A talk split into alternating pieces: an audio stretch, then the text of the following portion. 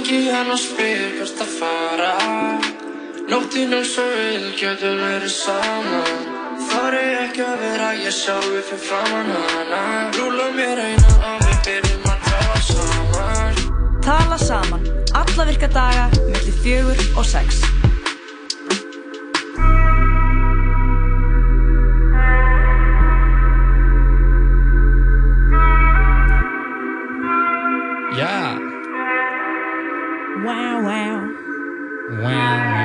Tala saman hér á þessum uh, miðvikudegi Fallegu dagur í dag, það er ekki blöytt Það er ekki blöytt, það er kallt, það er Það er ekki frost, blöytt, það er kallt það er hálka.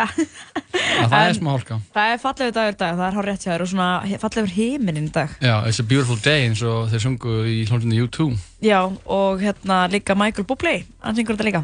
Synga hann þetta líka? Hann syng, að, já.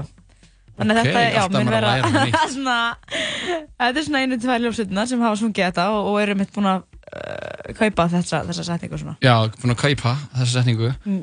er, Það er spikaður þáttur í okkur í dag Já, hann er, það er rétt, hann er spikaður. Já, það er rétt Skulum bara ekkert vera að skjafa neitt af því. Við fáum til okkar hérna eftir öskamastund Steinþór Hróar Steinþórsson eh, Steindar Junior og uh, Gauk Ólafsson sem uh, gerðu saman uh, þáttaröðuna Góðu landsmenn og Já. hjálfarið uh, kveimundina Þorsta Þorsti, einmitt. Þorste En þeir eru náttúrulega líka nágrannar okkar, þeir svona eru, á, útvarsins. þeir eru bara hérna hliðina á skrifstofan Og góðvinir útvarsins, þannig að maður sér oft Þorsta bílinn fyrir utan. Þorsta Sveipan, hún, Svipan. reglulega henni upp Og uh, já, það er bara verið gaman að fá, fá tvo spræka enga inn, svo þeir kalla sig. spræka ángríns Þeir eru kallaðir það. þeir eru kallaði það og uh, svo ert þú að sjálfsögðu með aðeins meira en bara gym Já, maður er alltaf með þetta, með þetta hérna, aðeins meira sko. Aðeins meira, Og uh, það er spikaður þáttur þar líka. spekkaður Það erum að tala um, við fáum skauta drottninguna og einmitt eitt þáttastjórnunda stöðurnar. já, Hún Vala Rún Magnúsdóttir. um mitt Hún kom til minn í spjall og, og við tölum um hérna ímislegt en svona mest um skautana og svona eh, umræðina sem hefur verið að opnast þar já, svolítið síðustu misseri sem snýrað svona hvernig þjálfarnir og hvað aðferðum þjálfarnir er að beita. Þetta er alltaf hörku sport Þetta er hörku sport og svona sérstaklega í skautunum og kannski í svona fleiri einstaklings íþórtum eins og um, skautar og fimmleikar að þar er oft svona vald þjálfara orðið kannski svolítið aukakent og kannski farið að brjóta svolítið niður íþróttamannin í staðin fyrir að byggja hann upp og, og við bara tölum um þetta eins og þetta er sko. Já. kannski svolítið hvað gerðist og, og hún kemur með dæmi frá íslensku stelpunum og frá sér og og ímislegt, þannig að þetta var, þetta var mjög gaman og gott að setjast með henni niður og spilla við hana en, en á saman tíma var þetta líka svolítið svona wow, mhm, wow moment. Mhm. En það verður, um, já, þetta verður bara góðu miðugdagur, Jón. Já, og við spjöllum alltaf, spjöllum eitthvað eins Ætli þurfum ekki að gera það. Allir við nefnist til þess. Oh, Oh, Hate that, hate that shit Tala saman, versta sem ég geri við skulum þarna næst bara tala, svona takk með tali næst. Já, það verður takkmós þáttur í dag enginn heyrir, nei, enginn, já, veit hvað við erum að tala um. Við verðum alltaf að ræða líka hana kveik þátt Ertu búin að horfa á hann? Ég er að spara hann. Spara hann Já, ég er bara ekki búin að horfa á hann, en, uh, já, ég er samt, er svona, veit, svona smá. Þú veist smá. og, og ég er bara búin að svona vera, vera að sjá hvað, hvernig fólk er að bregðast við.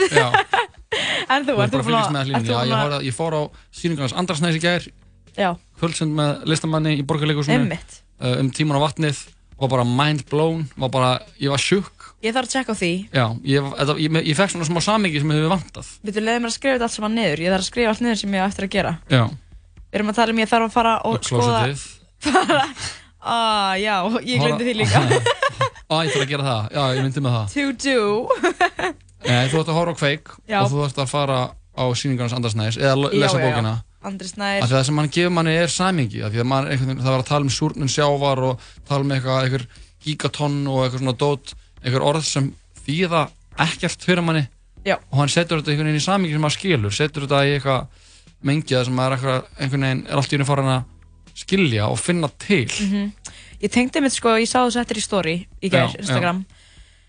Uh, svona eitthvað, þú hefur kannski ekki beint, þú veist, maður, maður heldur alveg með einhverju, Já, en maður er ekkert endilega eitthvað svona, af því að það er eitthvað svona, veist, það er meira bara, eitthvað, já ég held alveg með þessu en ég finn ekki þú veist, fyrir ykkur svona að þetta snertir mikið beint. Einmitt. skilur, og einmitt, þetta samengi og ég tengi svo mikið það, það vantar oft svona maður er eitthvað, já ég er alveg á vagninum.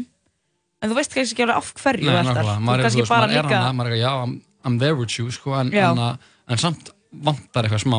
já, Og þessi tenging, þessi síning var þessi tenging fyrir mig, sko. ok, ég þarf þetta, ég er búinn að setja þetta á, á listan Þetta er komin á listan og, hann, og ég held að við neglum bara eigilt lag. eitt lítið, nei ég segi svona ekki, ek, við erum ekki komin í hérna jólalögin, ekki strax Nei, út af 101 spilar ekki það jólalögin spyrum við ekki jólalög. En uh, já, byrjum á uh, rapparum Sa Baby. Þetta er lagið Martial Superstars á samt rapparum T3. Eftir smá með Gauki Úlfars og Stendur Junior, ekki fara neitt.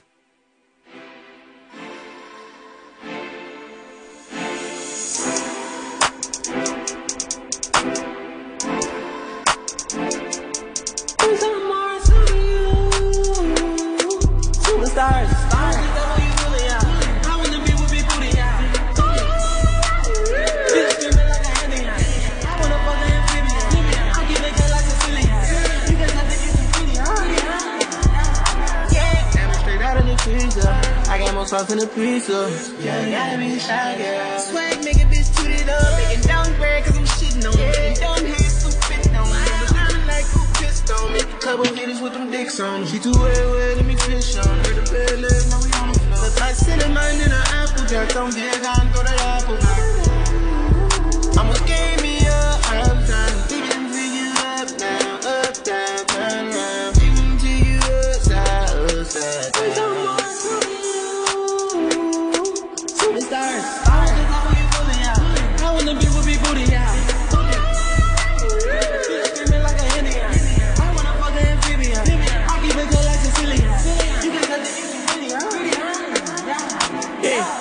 me she too pretty. Red hair, bitch, windy. I need a Brenda and Cindy. I ain't talking scary movie. I might just bust a no pinky. Titanic diamond, bitch, I'm sinking. Yeah, things ain't what it seems. I'm twinkle bling. Yeah, real Mr.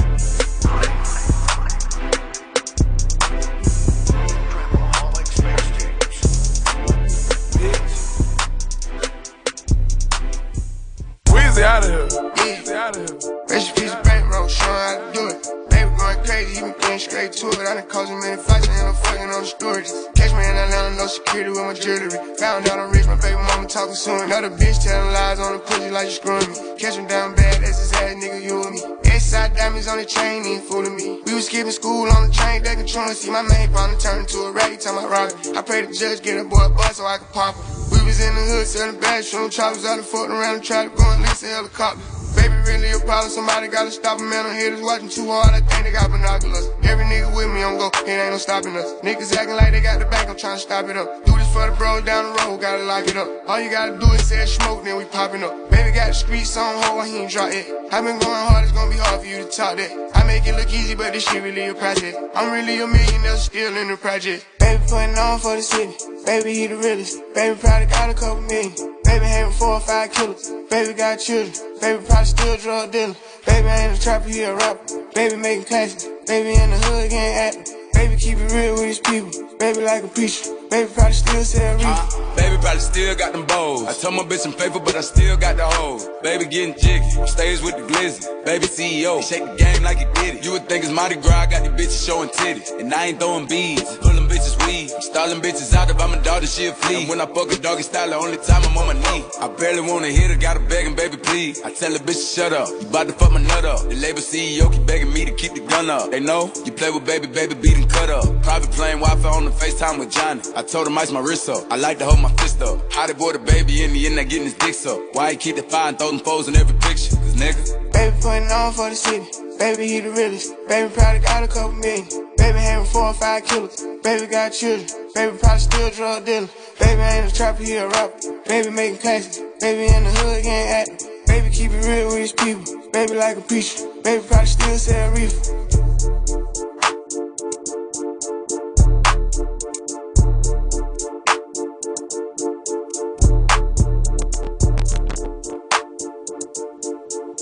Já, þetta eru rapparinnir Lil Baby og Da Baby. Lægið heitir You Guessed It Baby. Hér í síta eftir að tala saman. Ég, Jóhann Kristofur og Birna Marja með töklan 6 í dag.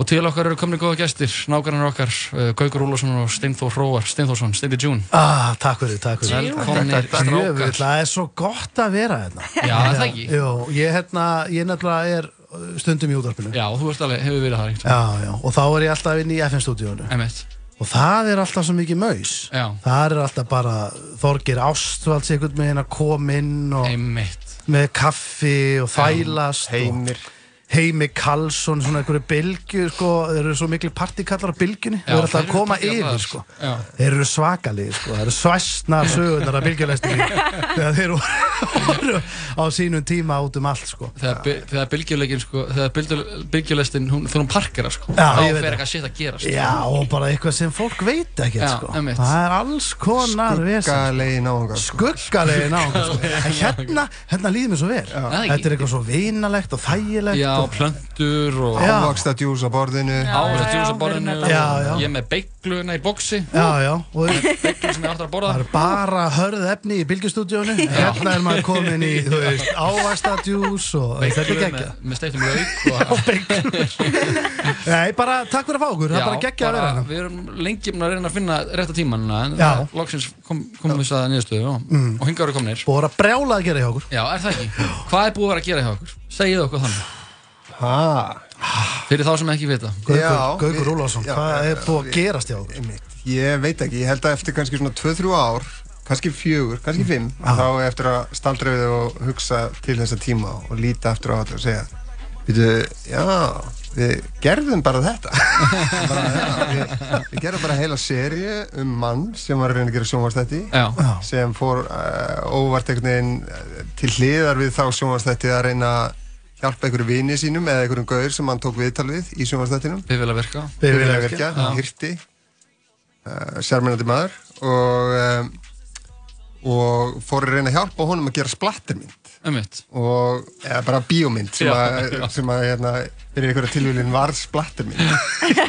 Já, Það það var- alltaf, sko og síðan bara gerðu við bíómyndina. Já, Já, og á sama tíma og við vorum að, að sagt, skrifa og, og, og gera leikna sjónvarsýri Mhm. þá gerðum við líka bíómynd. Og þessi Þetta er- mynd er bara í bíó núna? Hún er bara actually í bíó. Hún er bara í bíó en, en það er líka svolítið gaman að við pössum okkur líka svolítið á því að myndin er sjálfstæð Já, já, Þannig að það er alveg hægt að fara á myndina Mhm. og svo getur þú hort á þættina eða þú getur hort á þættina og farið svo á myndina. Við viljum helst að þú gerir bæði. Já, já, emmitt Ég er að horfa á þættinu og ég á aftur að fara á myndina. Mér langar að horfa þá, horfa þá veist og sem en, Þú þarft enda- að vera snöggur af því að myndin sko, hún fer á bíó bara eftir svona uh, 10-15 daga. Já, já, ég, ég, ég ger Ekkert mál fyrir Jóa sko. en hvað er, er þetta stattur í þáttunum? Ég sko byrjaði á þætti þrjú á hann. Já. Já. Og uh, Það er gerir viðtalið erfitt, hvað er að gerast í þætti þrjú? Er Þú veist, já. þeir eru komnir út, þeir eru komnir á já. Þannig að, ég veit ekki, hvar liggja spólumarkin Það sem Nei, nei, er nei, bara fyrir þig sko Núna er hann að uh, Karterinn, Steindi, þú veist mm Er þetta að leika sjálf Er þetta svona, hvar liggja mörkina? Já, ég er náttúrulega er að leika einhvers konar útgáfu já. af sjálfum mér en uh, ég náttúrulega er langt frá því að vera eins og þessi maður í Já. En þetta er, það er margt annað sem ég tek með mér inn í, í þennan karakter og náttúrulega stækka tölverð. Já, já. Það er sumt frá pappa mínu, sumt frá einhverjum í kringu Gauk. Þetta er bara, þetta er basically bara uh, algjört löfblað. Já. Bara sama hvað þú segir við hennar mann. Hann bara, já, það Já. er fín hugmynd, ég ætla að tjekka á því og á eftir, helst ekki gæði. Og náttúrulega rosalega meðvirkur, hann náttúrulega á, á svo erfitt með þetta allt saman að get ekki hjálpa þessu fólki að fá sjómanstætti. Aha. Þannig að hann ákveður að gera með þeim bíómynd Einmitt. Hann getur ekki verið í einhverju herbyggi í eina mínútu, það sem er vond stemning hann þarf einhvern með hennar bæta úr henni. Þannig að hérna, nei nei og þetta Þú, er náttúrulega þú pinnit í þeirri típu sko Já, ég, já, allir ég tak ekki, sko, ég tek náttúrulega, ég er eh, með ADHD, Já. þú veist, uh, og Gauku líka, ég ætla ekki að vera eitt sekur hér, sko, Nei, Ég það. veist, eh, rosalegt þegar maður kynnist mönnum eins og Steinda Já. sem er bara með eitthvað, bara svæstnasta bara loka stig af ADHD að hérna þegar svoleiðis fólk hérna, horfir í augun á manni og segir þú veist með rosalegt ADHD. Þetta er eins og, sko, svo að dæmum hvað við vorum, erum, hérna, rosalega saman, Já, er að þegar vorum að skrifa seríuna, þetta er náttúrulega rosalega flókin skrif. já, ég trúi Þetta er náttúrulega seria og þetta er náttúrulega þessi bíómynd sem hann Bjölli og kemur inn og, og skrifar handriti sérna uh, þetta, er, þetta er rosalega stórt heildaverkefni sem við erum að pæli og, og við erum ekki bara að gera þetta í sjóorfinu, við erum líka að gera þetta á social media. Einmitt. þú veist, maður er kannski einhvers þar að lappa og svo ringir hérna vekaraklukkan í símanum um fimmleitið, bara dýt dýt og með notes, hend á Twitter þessu, því það passar við þáttinn sem er á morgun Einmitt. og þú veist, við erum alltaf að einmitt. alls konar þannig að við vorum bara búin að kortleggja þetta algjörlega Já. hvað gerist í þáttunum, hvernig við ætlum að vera á social media Mhm. og, og þú veist, hérna ég var farin að auglýsa eftir leikstjóra til dæmis að því að henda í þáttunum Einmitt. á social media, bara undir mínu einu nafni á vinna með litlu fyrirvara Mhm. og fullt af fólki var að kaupa þetta það er það svo gegg- sem ég geggja að því að fólk trúir við heldum bara var engin eftir að trúi þessu. Nei, en síðan var bara fullt að liða sendi inn. Við fengum persónuleg skilaból frá hinum að þessum uh, sjóríl og sífi og bara fólk var bara að berjast hérna um það að fá leikstóratitil og svona mynd já, sem er svolítið skemmtlegt og það náttúrulega setti bara bensín á, á báli hjá okkur. Við vorum bara okay, meira og meira og meira, þetta er óslega skemmtlegt en þegar við vorum til dæmis að skrifa seríuna já, talandi um Að þá vorum við kannski ætlum að, já, við ætlum að skrifa hérna segjum bara fimm eða rúmlega kannski. Áður við farum í lönns ætlum að drita aðeins út og fínpúsa þetta og þetta. Ah, mér vant að brennar í veipið þá förum við eitthvað að stað og ætlum að fara í einhverja veipúð allt inn eru við bara komin einhver starf í mjóttina því að einhvern veginn enginn sagði því Kíkja á bara eh, einhverja topplúur eitthvað? Því að hvorur, okkar sagði einhvern veginn hefum að beða hérna eða hérna. Hann tók okkur stundu bara svona fjóra-fimm tíma að ná í eitt brenna. Ég er bara að vera týndir í Reykjavík. Ég stoppaði einu svona bílinn og ég horfði bara á Gauk og bara svona, herru, hvað erum við að fara að gera? Já. og af hverju erum við hér? Ja, við ætlum að gera þetta, innmitt hvernig förum við þangað, við erum að keira og þurftum að vera mapp stundum að vera að vita hvernig við, þetta, þetta var svona mikið vesen. Þetta gerir þetta svo erfitt. Við erum báðið mjög er hérna, en ég held að við sko styrkjum hvort annan mjög mikið. Er, veist, Við erum ekki með sömu veikleika og, og sömu styrki, styrkleika. Mm. Þannig að við, ég held að við hössum svolítið vel saman í svona kreatífu vinnu. En, en, en við erum samt með nokkra veikleika sem eru agalegir eins og að vera átta, eins og áttavildir áttavildir. Ég get bara, ég get bara að lappa hérna út og veit ekkert hvað ég er sko. bara Nei. ekki hugmynd. Og voruð það áttaviltir á uh, Þorsta bílnum? Já, við vorum yfirleitt alltaf á honum. Og við erum ennþá á honum. Þorsta Svipar það er alltaf, ég meðast mjög skemmtilegt þegar kom uh, svona crowdfund á staða Já, og ég, ég er einmitt á, uh, á þriða þetta núna þar sem mann að það sem stendi gefst upp á uh, Karolína fund eða hvaða svona hóp fjármögnunar fyrirtæki hann sótti í og er að fara milli fyrirtækja og leita styrkjum og er að presentera þetta fyrir órabaunum Já. fyrir Adam og Evu fyrir einhverjum veipshoppum og hann að og fyrir saumabúð Fyrir ömmu, ömmu mús. Ömmu mús. ömmu mús. Föndurhús það, van, það vantar svona það sem ég er svona miðist að hafa engjant að hinga til er náttúrulega að hann er fyririldi sko, hann bara, hann bara með vindinum Mm. svo er hann hann að uh, hann er, það er svona smá, smá fúskar í honum Algjör. Þú veist, hann Já, er að já. hann að svíkur hör, hjört Mhm. tekur yfirdráttlætur hann, hann að veðsetja húsið En þú heldur samt með honum, maður, jú, maður er svona og og síðan finnst mér koma einhvern veginn svona Því grunninn meinar hann vel hann, hann, hann meina vel sko. en hann er bara að gleyma hvað eins og þegar þið ætluðu að fara að skrifa fimm blaðsjur og voru síðan alltaf að kaupa brennar þá er hann eins búinn að gleyma hvað hann ætlaði að gera Þetta er bara Já. veist, eitthvað sem reddar þessu bara núna, það er bara karakterinn. En já, þetta er, þetta er sko, en ég verðilega, sko, það sem náttúrulega, ef við spólum alveg tilbaka, Mhm. það sem þetta, hérna, þá var í rauninni upprunalega hugmyndin miklu einfaldari. Já. Og síðan náttúrulega eskileitast þetta þegar tveir ævintýramenn hittast og byrja að brainstorma. Mhm. Og allt í hennu stækkar þetta, stækkar þetta, það var aldrei upprunalega pælingin kannski að gera myndina. Nei, nei, þú veist, og allt í hennu bara, heyrðu, auðvitað verðum við að gera myndina. Það er bara svona síðasta púslið púslspilinu, að koma með myndina. Hvernig sem við gerum hana, hvað, þú veist, við getum bara, við tökum hana bara upp á síma, Já, já, það er alltaf leið, við gerum það. það þetta en pælingi var samt að hafa hana sko, við ætluðum aldrei að sko, hún varð miklu starri og flottari þú veist, pælingi var bara, við erum bara með örlítið budget til þess að gera þessa mynd. Og síðan fáum við rosalega gott krú, alveg alvöru flott tökukrú Já. og það fara allir einhvern veginn og vera ástofnar þessu konsepti og vilja allir gera ógislega vel að myndast einhver brjálaði metnaður á setti.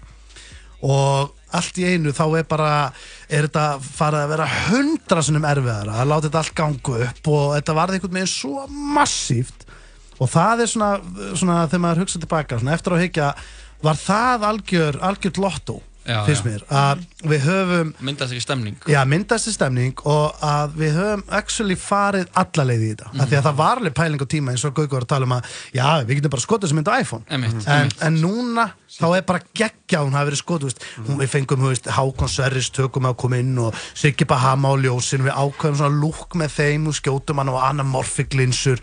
Þú veist, hérna, hækkum smá ISO-i, gerum hann svona filmu looking, við varum bara svona, ok, þetta er að vera fucking alveg splatt bara movie bara. þetta er bara movie. film, jafnvel. Já, Berntsen með tónlistarnas, með tjúluð þetta var bara allur mynd. Og það er óksla, það er geggjað. Og Já. við erum svo stoltir af því að það hefur tekist. Ángríns, ég hlaka svo til að sjá hana. Ef að hlusta lag og haldur frá spjalla það.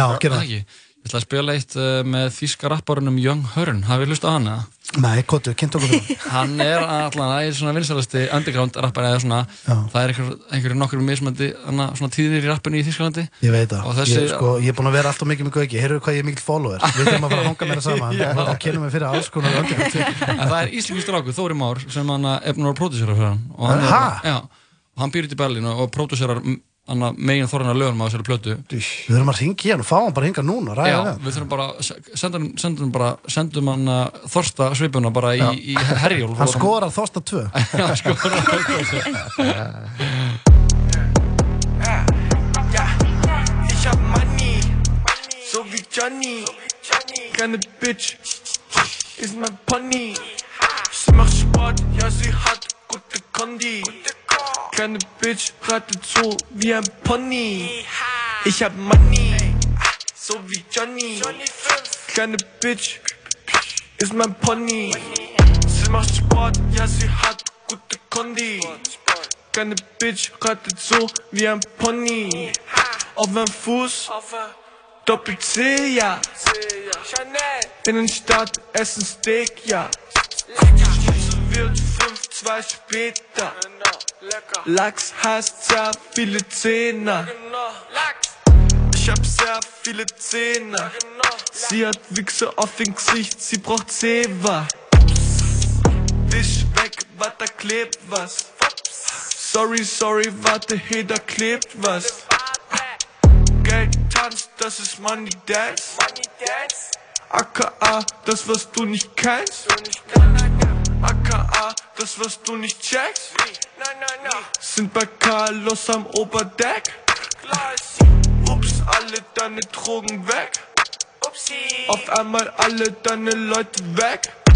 Ich schwör auf alles, alles, meine Freunde, echt. Ich schwör auf alles, wir haben hast du nicht. Ich hab Money, so wie Johnny. Keine Bitch, ist mein Pony. Sie macht Sport, ja, sie hat gute Kondi. Keine Bitch reitet so wie ein Pony. Ich hab Money, så vi Johnny. Gerne bitch Ist mein Pony. Sie macht Sport, ja sie hat gute Kondi Gerne Bitch, reitet so wie ein Pony. Sie macht Sport Sport, Sport, Sport, Sport Pferd, wie ein Pferd Sport, Sport, Sport, Sport Cowgirl, wie ein Pferd 5K, 2, 2, IH Mr. Sir 1, 2, 3, 0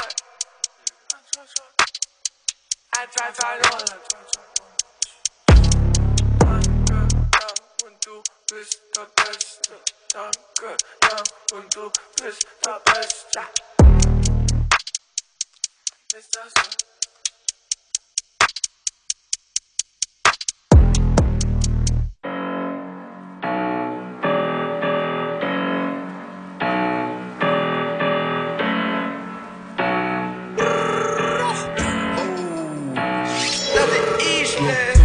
og ég trappið út Ég tók þetta shit og ég trappið út Ég tók þetta shit og ég trappið út Trap, trap, trap, trap Ég er coolinn, samt ekki að fatta þú Þar að trappið upp, þar að trappið út Hoppa inn og út eins og woo woo woo Ger þetta shit á motherfucking smooth Ég gáðar, þar ekki að mappið út Ég þampast út eins og oh shit Ég fluti, þurfti að færa þessar hluti Þurfti ekki að æsa hluti Hálsinn Ég er ungur savage Stórt blönd og ég trappið upp Ég er 90's baby Grimman hund út í garðinu Ey Bitch ég er trap house Ég keypti eitt trap house Ég breytti í stash house.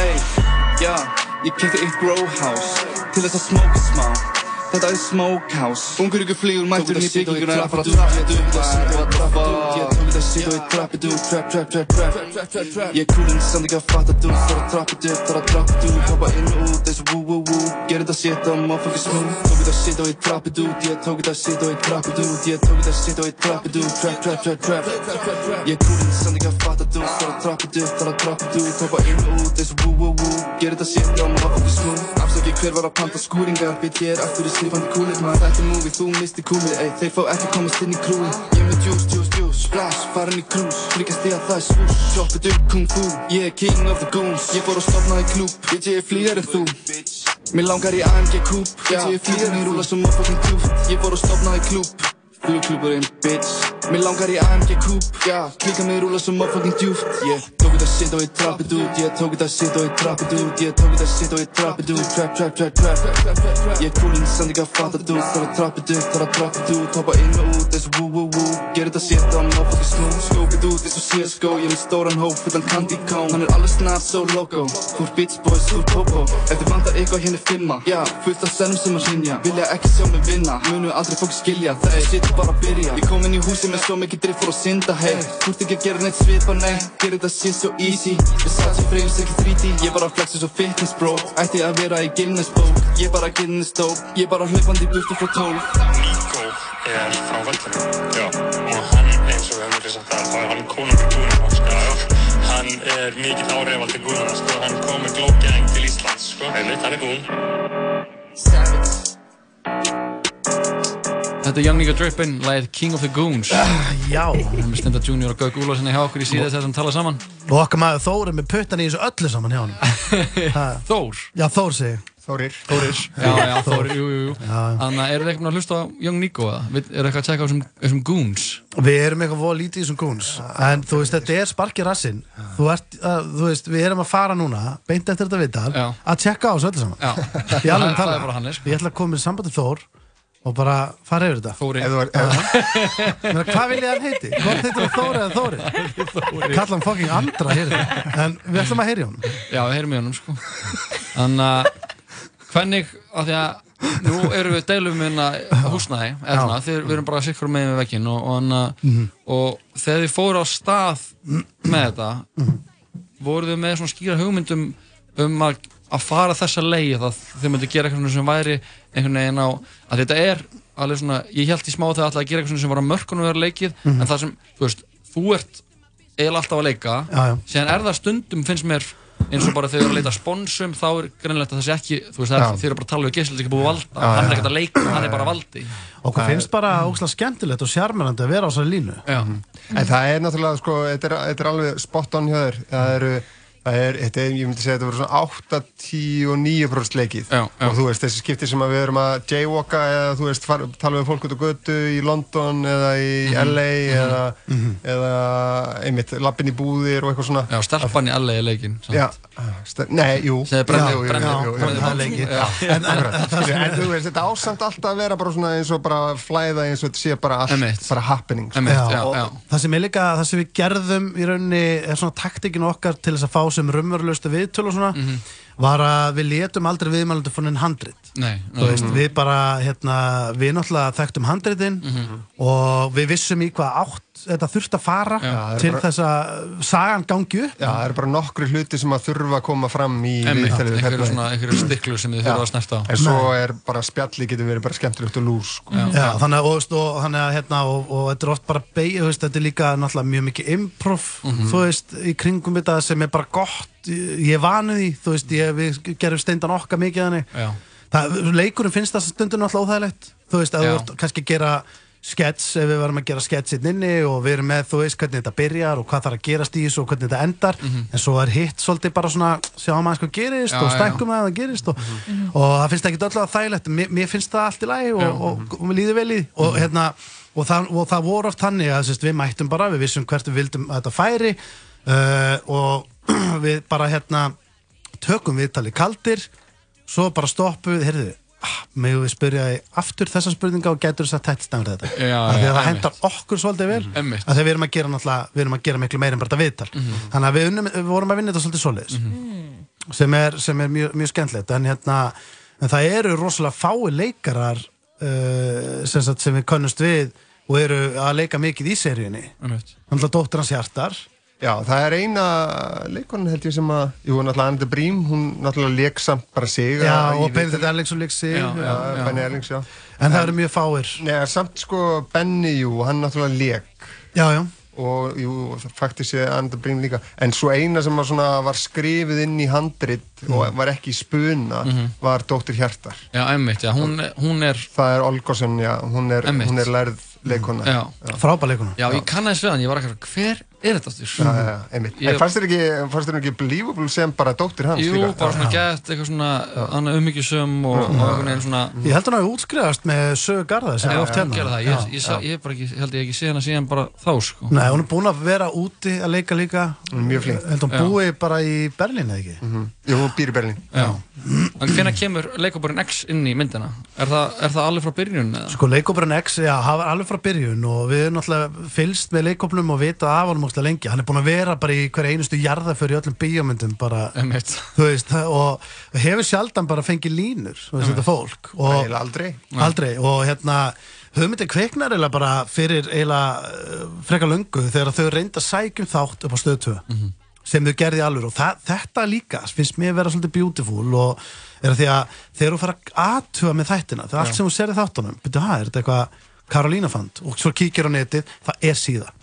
Svo kíkir þú veist að byrja auðvitað ykkur leikstjóra á vinnum við litur fyrir og allir að aðeins að tjekka bara, er þetta rétt? Já, þetta er þarna þannig að það er allt til staðar og, þetta leik- fólk og er til staðar og leikópurinn X er til Já, og já. þau eru búin að vera til í einhver 6-7 ár Já. og eru búin að vera að gera sko yfir 100, kannski 200 sketsa á YouTube varstu búin að checka þeim? Ég hef séð, ég hef tjekkað á YouTube, sko. Já, já, já. Þau eru bara að vera að trappa þetta út á YouTube alveg hefi lengi. Og eru með svona, svona cult following Já. og, og hérna, meðal annars voru við gaukur að fylgjast með þeim og könnumst aðeins við og svona. Þannig að við, við byrjuðum bara á því að hitta þau. Já. Og segja þeim bara frá hugmyndinu frá A til Ö þú veist, hvernig þetta er því, það er því segja mynd og, og þetta er því svona B-vampíru splattemynd og ástæðan fyrir að við vildum gera það Mhm. er að við vildum alls ekki að myndin er einhvers konar miðjumóð er einhvers svona gaman Nei, mynd nei. sem væri þannig að við ákvaðum að hafa þetta frekar alveg Öfgafullt ekstrím öfgafullt og við plöntum því bara og letum Sigur og Sigurkvartsson segja okkur í þáttunum hvað væri vinsælt í dag og meðal annars er það náttúrulega hryllingsmyndir og svo er það líka náttúrulega þú veist svona sprautu, sprautufíkla myndir eru vinsælar á Íslandi sko Einmitt. og svo er það svona myndir og það eru horrormyndir og við bara svona ymmit já og hérna ymmit og ég skrifi þetta bara allt niður og seti þetta bara allt í eitt graut Já, bara og bara þá erum við bara konum með upp, já, Ógeðstrykk. já, og þá erum við bara konum með uppskrift af rosalega hérna, áhugaverðri uh, og, og freka crazy mynd Já. Sem ég held að, þú veist, ég held að það er rosalega mistök hafði bara farið í eitthvað eitt genre með þetta og þetta hefði já. enda sem eitthvað einhvers konar, þú veist, við vildum höra viðbröð annarkvort fer fólk á þessa mynd og það fucking elskar þessa mynd Mhm. eða það fer á þessa mynd og er bara, hvað var ég að fucking horfa á, Já. skil ekki neitt Einmitt. þú veist, og það er bara geggjað Já. en við vildum aldrei fá við, við viljum ekki heyra eitthvað svona, hvernig var myndin, já, hún var bara svona þú veist, þetta var, já, þetta var svona bara, wow, Já. þarna voru að gera eitthvað villist Já, annarkvort er hún episk og hún sökkar. En svo er þetta náttúrulega líka sko, þú veist, alveg svo við sjáum þetta, þú veist, auðvitað stendur myndin alveg einu sér. En mér finnst óþægilegt að hugsa til þess að ykkur sko gefi myndinni dóma án þess að vita, ég las til þess að ykkur dóma um daginn Mm. í ykkur hún er bæða og við búin að fá geggjaða dóma. Nema er þetta en einan dóma. Já, já, það var, það var akkurat þessi dómur sem að, hérna, en það er akkurat eitthvað sem að Sá sem að gagnrýnandi er líka dáinn. Hann er dáinn. Eh, Nei, hún er ekki beint, hún, hún er að deyja.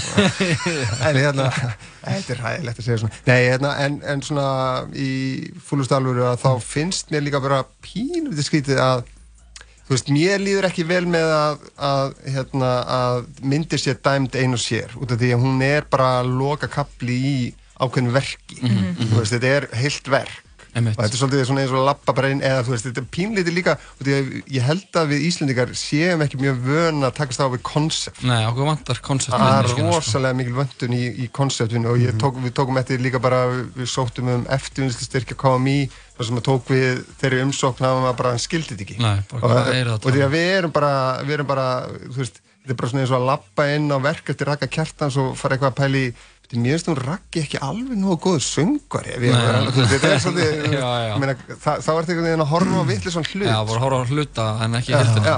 Mér finnst líka skemmtilegt að myndist á Sigrun Sigvarts Mhm. og það eru fleiri kanonir þegar náttúrulega farið og hitti Björgul Thor. Mhm.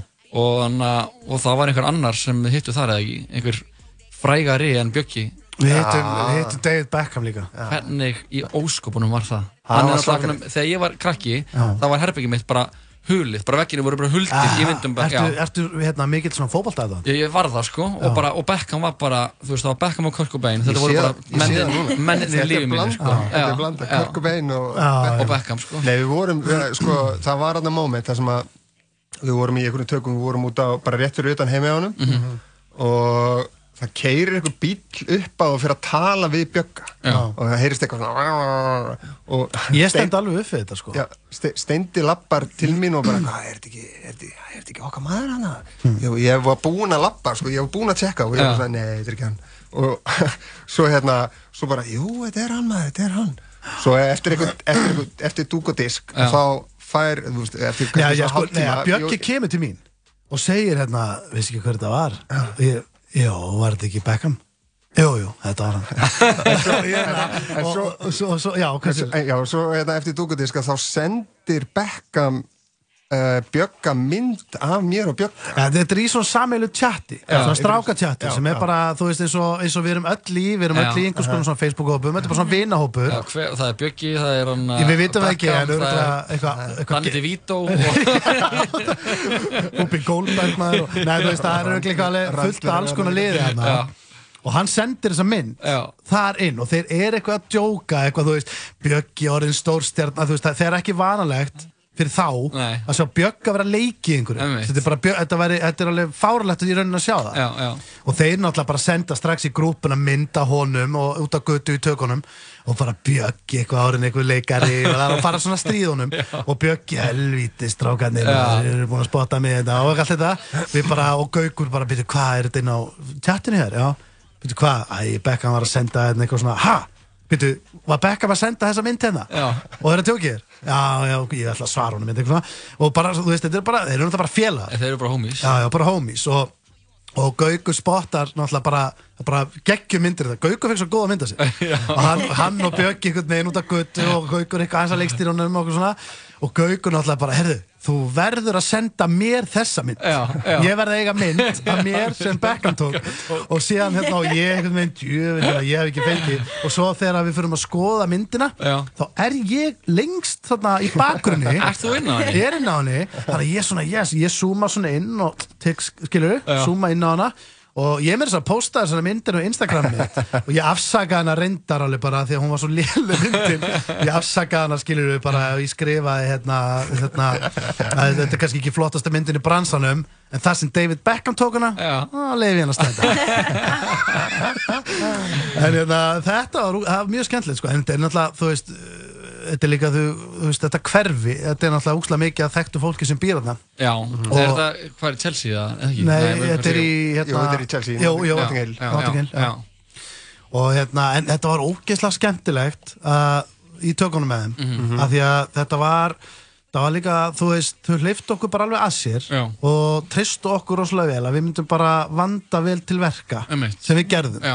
Og við fórum heim til þeirra og inn til þeirra, hittum krakkana konan hans var að keira bílinn þeirra með kamerumann okkar aftur í, bara íslensku leiðina að skjóta mig og hann á hlaupahjólu sem strákurinn hans átti og þetta var ókslega homey Já. og, og var ókslega skemmtilegt Og strákurinn hans náttúrulega og þeirra lék líka í, Já. Þú þetta er að sjá hann Já, ég, bara, ég hlakka bara ekki til að sjá En, en málega, þegar við vorum að skrifa seríuna og vorum að, að þetta passa svo fullkomlega inn Mhm. að einhver gæi sem þarf bara, hann þarf svo mikla hjálp Já. og hann þarf að fara til einhvern sem á pening og hver á að pening reyna allt. já, já, og hver á pening, Hver það á er einmitt. Og það, við hugsaðum, ok, ef, ef hann var ekki til hver væri þá til við fórum að kasta nöfnum Mhm. og við vorum bara svona, veist, það er enginn sem verður jafn flottur hana og passa sögunni jafn vel Nei. Og Björgi og, og hérna frekar slaft að vera með, þú veist. Þorstein Má. Já, Þorstein Má, já. Það hefur verið, það hefur verið svolítið Já, það hefur verið vesinn og hérna hana, og svo bara tekur hann svona vel í þetta og þetta var bara geggja sko. Við erum alveg ógislega hérna, þakkláttu hvernig þetta fór allt. Og reyndar kannski svona fjóra-fimm mánuði að fá hann til þess að samtíkja Já, já, hann er alltaf hann er góð hluti gerast hægt. Hann er busy og svo er þetta flókin hugmynd. Við byrjuðum að útskýra þetta fyrir aðstofamannsku Já.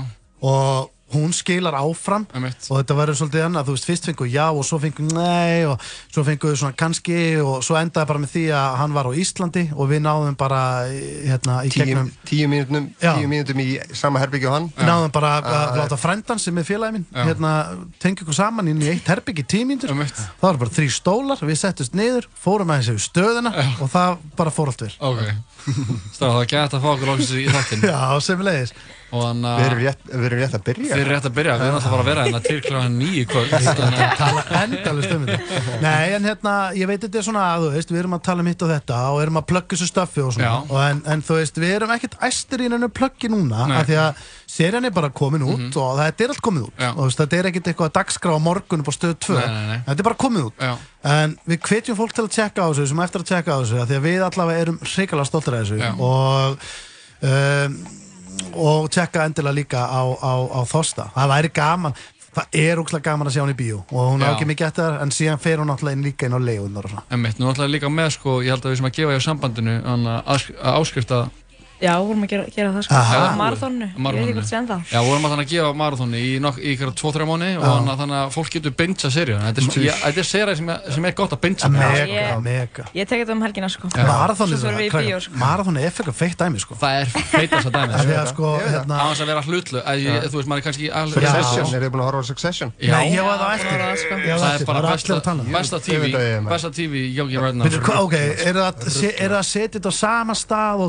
það, veist, vægir og Þetta er allt öðruvísi. Breaking Bad Þetta er bara og- þetta er bara- Gæðarlega. Þetta er bara Já, a, Já. Í, í skrifunum er þetta svo danna því að málega er, ég er búin að pæla ekki að mikið í þessu. Þessi gauðar sem gerir þetta, hann, hann Adam McKay sem er hann executive producer og Will Farrell Já. þeir náttúrulega eru búin að vera að gera grín saman mjög lengi. Gera Anchorman, gera Talladega Nights gera þessar bara íkonisku grínmyndir þetta- er samt tragikomedi Já, og það er þess vegna, þegar þeir eru búin að að gera grín svo lengi og fara síðan að gera eitthvað sem er alvarlegt þá verður það að finnst, finnst eins drama eh, þú veist, við vorum einmitt í, í, í svolítið svona vandræði með að skilgrina góða landsmenn. Mhm. Er þetta komedi eða tragedi? Er, er þetta tragikomedi? mm, Hvað myndir þú segja?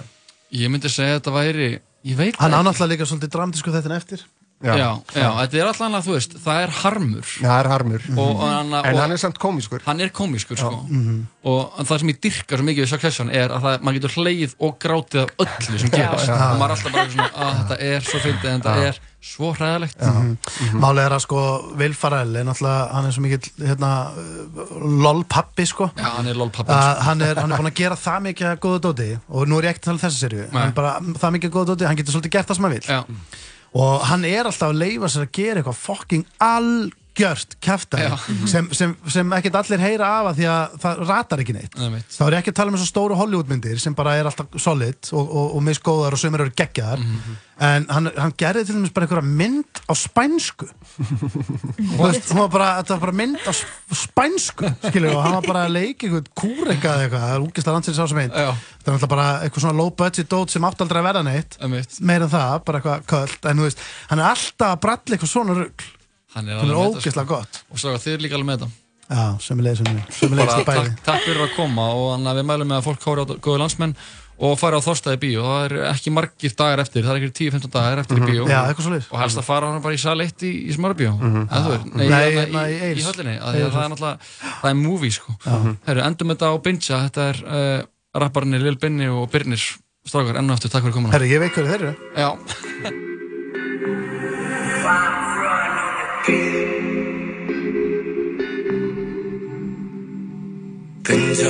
vindja, flakkum allir um vinda Vinda, viltu horfa á einhver finna?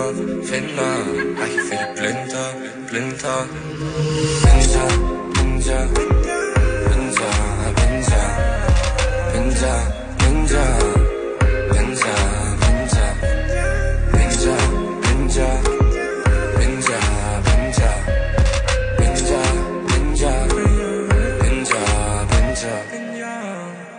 Lítið skot upp í rúm og bindja. Rísa blissa ganga á millága Hver heldur bestu bilsinn það er brindja? Þessi stróku pinsar eins og snillin Hún læðist inn í hausinn eins og ninja. Ég sé hann að bossa í hitlingum Hún var eins og ég áður en við kynntum Svo ég er ekki segur um spilling. Kannski syngna Ég fyrir mig að byrja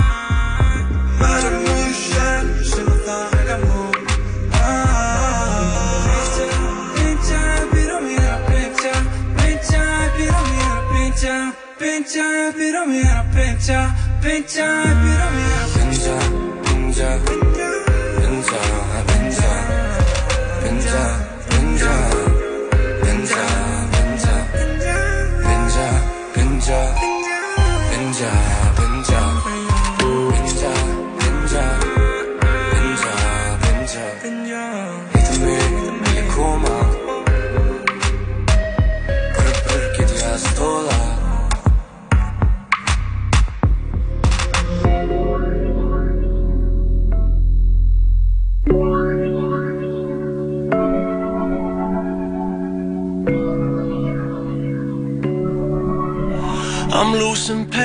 I'm on it, going all in, I want it, oh, I want you.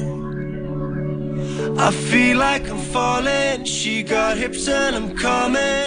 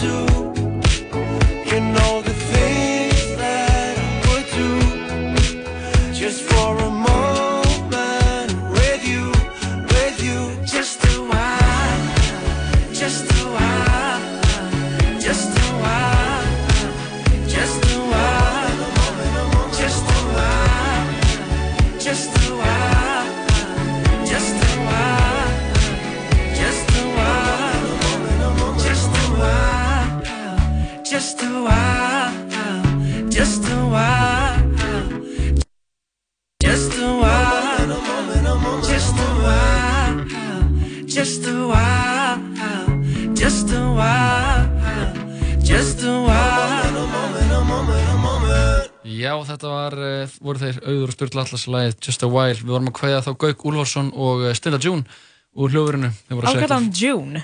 Hæ? Senni Junior? Já, ég veit það. En June? June, bara. Þú veist það, ennþá meira. Uh, þeir voru að segja eitthvað auðvitað frá uh, seríunni Góðlandsmenn sem uh, var í síningu á stöð 2 og komin á marathónið og uh, svo í kjölfarið kvimdini uh, Þorsta sem uh, var svona eiginlega afurð þessara þátta og bara gæði gaman að fá það, loksins. Já, sammála. Og Jóhann, ég held að við verðum að fara og sjá þessa mynd. Já, ég ætla að klára seríunni og fara svo hana. Já, þú ringir í mig þegar þú ert búin með þetta og þá verð ég 100% búin með þetta líka. Það er Sjáum bara til, binge sjáum til hvort að ég fara eitthvað að gera það við hann að ég ætla ekki að fara að lofa neinu hér í En, Jóhann, um, hvað er að frétta? Sko, maður fer hérna inn á fréttamæla. Frétta? Það sem er náttúrulega bara frétta er þetta fokkin samherjamál. Þetta er samherja teng. Þetta er samherja teng. Og hérna það er bara samherji er í Olgusjó það er vaktinn á vísi sem er að fylgjast með þessu. Já, sem er að koma með svona gaman að sjá sko. updates. MBL er eiginlega bara sem ég ekki að fjalla um þetta sko. Nei, það er málið. Spillingin is real sko. Oh shit. Spillingin is real! Við erum að fakta það hérna í síðan sem við tala saman.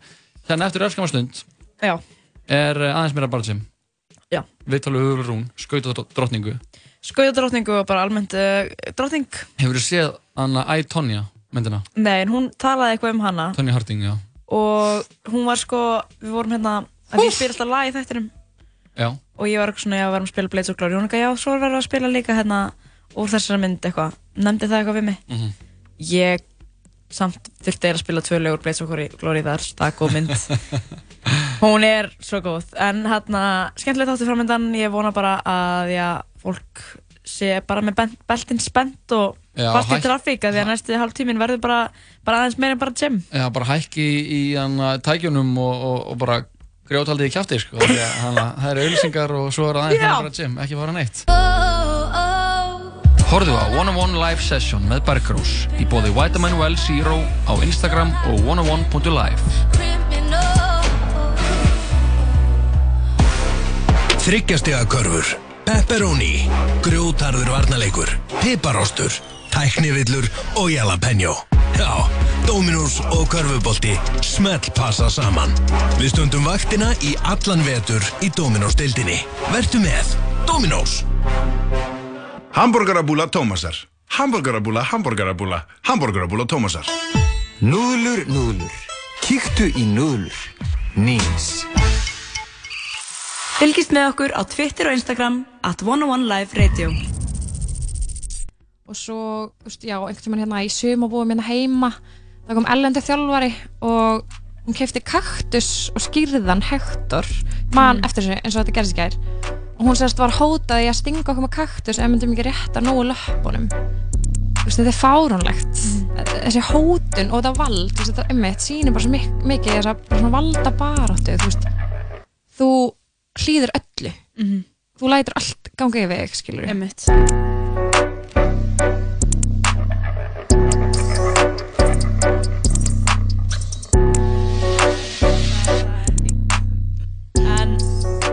kærlustundi verður hjartalega velkomin í hlaðarsþáttin aðeins meira en bara gym.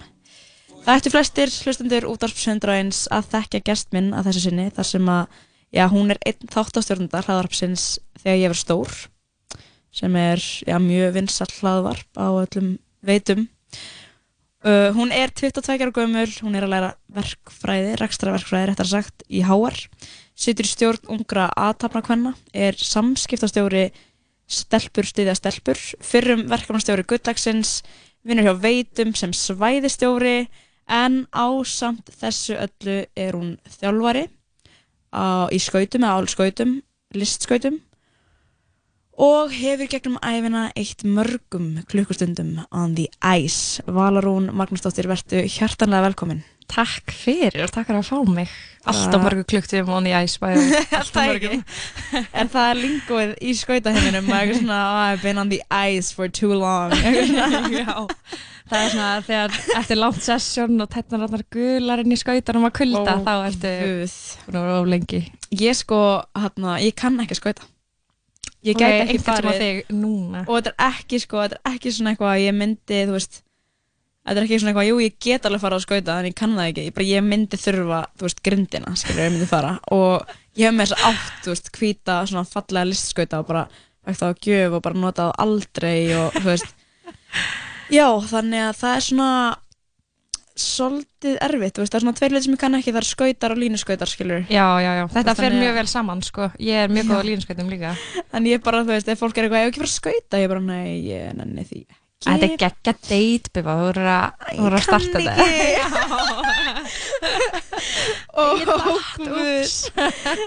En hann já, þú hefur eitt mörgum klukkstundum á ísnum. Hvað hann að, Mhm. hvenær byrjar það að skauta? Fimm ára Vá. Mhm. Og bara hættir aldrei? Uh, nei, ég byrjaði pappi ljósmyndari Mhm. og uh, hann á vinkonu sem að sem stóttir hennar var Íslandsmeistari þá, Sigurlu Átnáttóðir og ég fór bara og maður langaði bara að vera svo hún Mhm. ég bara sá hana og bara deyja með þetta geggja og byrjaði bara og hætti síðan fyrir fjórum árum síðan 2015 Mhm. já, fjórum árum Og ert samt ennþá alltaf eitthvað að chilla þarna á ísnum, að kenna fólki og þjálfa, þjálfa unlinga. Já, já svona, í dag þjálfa ég mest úrlinga Mhm. ég byrjaði að þjálfa 2012 og byrjaði þá að þjálfa bara skautskóla, bara byrjendur og svo bara tekum alltaf meira og meira að sér og svona ég líka var með fullónustíma sem mjög skemmtilegt fullónusbyrjendur, þú Mhm. getur komið í þannig tíma Er ég fullan þínu bara? ok. og hérna, og já, en ég er svona að þjálfa aðalega svona kannski 12 já, svona 8-12 ára og svo 12 alveg upp úr 19-20 Mhm. þannig að, já Næs. Og þú skautar alveg stundum sjálf, eða ekki líka? Jú, ég er svona sett með markmið að geta gert eitthvað ákveði stökk ennþá 25 ára Já. þannig ég er svona að reyna að halda því mm Mhm. veist, og það maður langar ekki að vera gett gamall og geta ekkert Já, og það er svona, þegar maður tekur frí frá ísnum einhvern veginn þá er maður bara, maður er alveg eins og belja ásvelli, þú veist, þetta er Mhm. ekki eins og í fótball þú getur alveg eftir að hlaupa einhvers þar annars staðar Mhm. eitthvað, þú verður bara að vera inn á ísnum þú veist, þannig að ég er svona alltaf að reyna að halda mig við og það maður langar ekki að vera ógislega lélegu þjálfari sem getur ekki sínt neitt eða eitthvað, bara eitthvað stendur eitthvað, já, gerir þetta eitthvað, maður langar að geta skauta með þeim, skilur. Já, það er eitt gaman að vera að kenna einhverjum, einhver tricks sem maður kann ekki sjálfur, sko. Mhm. Það getur verið erfitt fyrir egoði líka, sérstaklega þegar kannski þetta var eitthvað sem að þú varst góð í, skilur, svo allt í henni bara eitthvað, já, ég get ekki lengur, Já, I'm too old. en ég skauti verður maður svona smá svona sætta sig við það, þú veist, ég er ekki að gera eins og ég þegar ég var að keppa, sko, Nei, en bara svona allan grunninn og svona. Einmitt. Hvað hérna, uh, hvað myndir segja að vera skemmtilegast við að skauta og æfa að skauta? Ú, sko, það sem ég sakna mest, ógeðslega það náttúrst, er bara svona tilfinningin að geta bara skauta óslega hratt og hoppa, þetta er svona smá eins og fljúa, Mhm. ég veit ekki hvað er, þetta er eitthvað svona frelsi, maður bara svona, já, ég held að það sé svona sem ég sakna mest, einhvern veginn að, að fara hratt Mhm. og hoppa hátt, eitthvað svona, en síðan alltaf líka bara félagskapurinn, þú veist, ég var í geggjum hópi gegnum allan ferilinn og við erum allar óslega góða vinkunni í dag og ég saknaði líka að skauta með þeim það var langt skemmtilegast að koma að einhver og bara einhvern veginn kúpla út úr þessu daglega amstri og geta bara spjallað og einhvern veginn, já, ég saknaði þess líka En það er smá hópi þrótt á saman tíma og það er einstaklingssport. Mhm. það er svolítið trikki af því að þú ert að æfa all dag með keppinautunum Mhm. sem er svona, getur verið mjög. Erfitt fyrir, þú veist, svo erum maður að reyna að rækta vinkunsamband samhliða og svona Mhm, Það getur verið erfitt sérstaklega kannski á keppnistugum og svona vikan fyrir keppni, trúið því alveg Mhm. sko. En hérna, eitt sem við viljum að ræða svolítið í dag, það er smá svona umræða sem hefur, já, opnast svolítið á síðustu misseri í skautasamfélaginu og ég tók bara eftir og settir eitthvað svona í story og mér varst það gett áhugavert að því að þetta var eitthvað sem ég hef bara aldrei, þú veist, fattað einu svona pæli áður, skilur. Getur kannski sagt mér aðeins frá þessu, bara en við förum lengra onni í það? Já, uh, ég sérst sá á Instagram stráka sem uh, var með mér í svona Norrlanda verkefni þegar ég var að skauta postaði status sem var búið þýða sérst frá sænsku, ég var íslensku og hún heitir Alessia Hagg sem að heitir þetta góða nafni Jag starri upp mjög sænst Mhm. og flott og hún var sérst bara að tala um bara ofbeldi, andlegt ofbeldi sem hún, hún hafði orðið fyrir af þjálfarnu sínum og er bara svolítið svona einhvern veginn að tala um bara og gaggrina uh, hvernig bara þessi skautaheimur er og það er einhvern veginn allt bara viðkjent og mega allir gera þetta og þetta er samt ekki til lægi og þá erum við að tala um bara þú veist um, svona ótrúlega mikla valdabaróttu yfir skautarunum Mhm. frá þjálfarunum og þjálfarinn einhvern veginn hefur bara einhver fárónleg völd yfir skautarunum, þú gerir allt sem þjálfarinn þið segir, skilur og þjálfarinn hunsa þig, það er það versta sem gerst, gerist. Og ég lasi það og ég eitthvað svona, já ok eitthvað svona, svo bara lasi þetta aftur. Og svo bara eins og enn og bara fuck, bara, þá byrjaði ég bara að rifja upp bara einhvern svona minningar sem að ég hafi bara einhvern veginn smá gleymt og bara eitt úr minninu mínu, þú veist ég hægt að skauta og var einhvern veginn bara já, alveg búin að gleyma þessu og ég man, ég var ekki prófi og kem heim og er eitthvað svona að lesta og ég bara svona tetra inni mér, ég bara, það er svo sé bara að opna einhver sár bara Mhm. inni mér sem ég bara þurfti einhvern veginn að koma út og ég sem spyrir bara på statusnum svo er eitthvað, fuck, ok, ég þarf eiginlega að taka það lengra og bara, ok, ég ætla bara að deila minni sögu, skilur Mhm. og svo bara, já, ger ég það og bara, þú veist, nefni fullt af dæmum og og svo er þessi skautahópur sem við skautum saman, þú veist, þær koma líka fram og segja sína sögu sem er bara frábært, við stóðum bara saman í þessu og uh, síðan eftir þetta, að þessi stelpa sett inn á Instagram, þá hefur þetta líka opnast bara í öllum Norrlundunum, Finnland hefur líka talað um þetta Danmörku, Norur og þetta hefur svona smá vaki bara umræði um að þessi old school þjálfar aðferð er bara ekki í lægi, skilur Einmitt, þá svolítið svona uh, svolítið svona ofbeldisneitt og kannski líka bara, þú veist, það er tár og það er verið að nota ljót orð og þú veist, þetta er svolítið svona harskalegt og þetta er ekkert kannski bara, það er ekkert bara í skautum en það er ekkert líka í fimmleikum sérstaklega, Einmitt. kannski fleiri svona einstaklingssportum af því Já. það er þetta svo rosalega mikið bara þjálfara og einstaklingur svo, eða bara einn íþórtumæður í Mhm. sambandi og í samtali um, en kannski þú veist ég held að sé áhugavert að fara aðeins í það bara hvers konar sögur voru þetta sem að þú kannski varst með að því að nú Mhm. ef maður er í Íslandi og maður kannski er alltaf bara eitthvað að þetta er alltaf svona, þau eru gett ströng út í Rúslandi skilur, þú veist, Mhm. og út í Kína og þannig bara, það er bara gett mikil ægi og fólk er bara tekið, þú veist, unga börn eru bara látin verða fimmleika stjórnir bara þegar hún einsmána skilur, þú veist, Mhm. bara búið að ákvaða fyrirfram en hérna kannski veist, er þetta ekki svona en hvers konar sögur er þetta sem að kannski þú og stelpunar hérna heima voruð að deila? Já, sko skautar eru skautar eru náttúrulega svona performance íþrótt og það er byggt upp að vera bara geggjuðu formi og þú veist, það sagði aldrei þjálfari við mig eitthvað þú ert að feita þú ert að léttast eitthvað svoleiðis en umhverju var bara þannig Mhm. og það var, þú veist, pískrað og, og þú veist, margar ég var bara heppin að vera bara vaksin eins og 12 ára fimmleikastrákur skilur þannig að ég var átján Mhm. en þú veist, aðra ekki og þá var bara þú veist, það var sagt bara vinkunum mér svo 12 ára bara já þú þurft að hérna létta þig.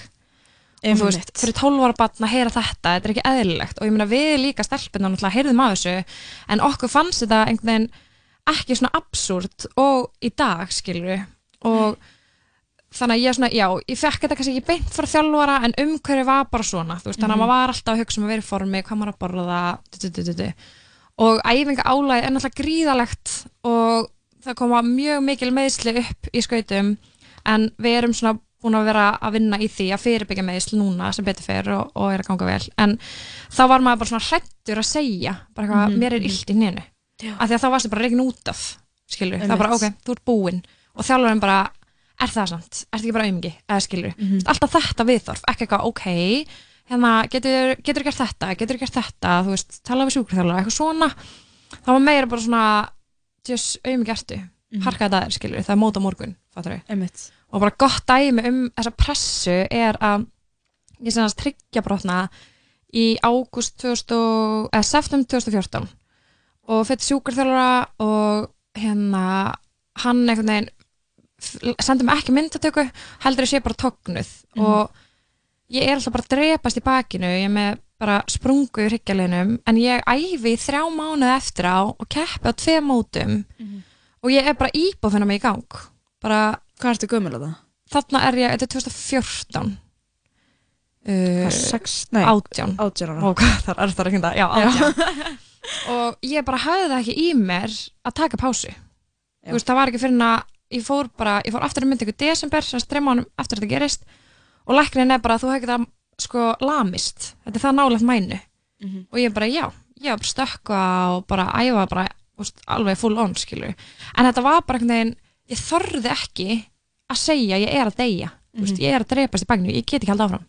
Ég bara, þetta var ekki mentalitíð, skilur og svo, þú veist er það líka ótrúlega mismöndi, maður er með yfirþjálfara yfir allan veturinn, svo sumrin veist, frá 2009, þá fór ég bara út í svona mánu, tó mánu á sumrin að æfa ellendis, af því það er engin ís hérna heima. Og veist, þar er þetta alveg smá öðru í sig, sko. En samt svona, þú veist, eins og í Norrlöndunum og, og þá er þetta alveg svona það er ótrúlega mikil svona fyrirlitning líka kakvart nefndum það er sapna kannski saman í hóp og svo eitthvað hei, ok, vala, þú sýnir þetta spór og ég kannski gera vittlust og það er bara eitthvað hann að gera þetta vittlust, svona er ekki gera þetta Mhm. bara fyrir framann bara, þú veist 10-15 mann, skilju, sem þú ert að æfa með. Og margir eru hóp fyrir ofan sem eru bara þína fyrirmyndir og þú vilt ekkert að hann sé að sjá hvort gera vittlust, skilju mig? Og svo, já, einhvern tímann hérna í sumabúum hérna heima það kom ellendi þjálfari og hún kefti kaktus og skýrðan Hector, mann Mm. eftir þessu eins og þetta gerðist í gær. Og hún sérst var hótaði að stinga okkur með kaktus ef myndum ekki rétta nógu löpunum ok. Og þetta var bara, þú veist, hann var bara settur upp á skrifstofu var bara, hann var bara til, skilu, þetta var bara viðkjönd að öllum stjórn og það voru þú veist, örgulega 50 skautrar í þessum sömbúðum, skilur og enginn segir neitt. Þú veist, þetta er bara þú veist, þetta er fáránlegt. Þessi hótun og þetta vald þú veist, þetta ummitt sýnir bara svo mik mikið þess að bara svona valda baróttu þú veist, þú hlýður öllu. Mhm. þú lætur allt ganga yfir þig, skilur Einmitt. og líka kannski þú veist bara það núna eins og bara með að vera strax að þvinga það upp á, eða þvinga því upp á unga íþróttamenn þegar þeir eru 12 ára hafa alltaf stíð ón á viktina þú veist sjálf nema bara þegar að þurfa að sjá þú veist skóla hjókunni skilur Mhm.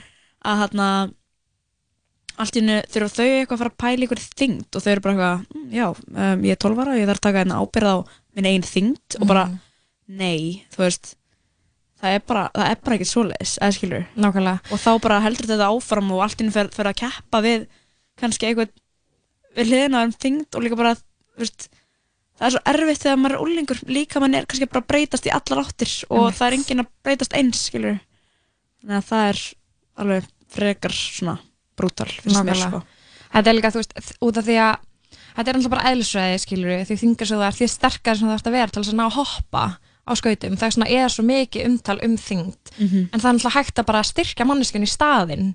Í staðan að bara eitthvað kötta af henni bara alveg, skilur og þú veist, við máttum aldrei lifta lóðum. Ég lifta ekki lóð fyrir en ég var bara 21 árs þegar ég byrjaði að crossfit, skilur ekki. af því að það bara, það þyngd okkur þú veist, að lifta lóðum. Já. þannig að við máttum ekki snerta lóð. En hvernig þá eins og með, þú veist, að því að maður um, væntalega bara sjúklega, bara gott kór og góð læri, skilur að lenda líka og eitthvað svona. Mhm. Um, hvernig var þá eins og verða, þú veist, sterkur en ásand, eiga samt að vera léttur, hvernig var að ballesa því, þú veist, var það eitthvað sem að þjálfarinn var mikið að hjálpa til með eða?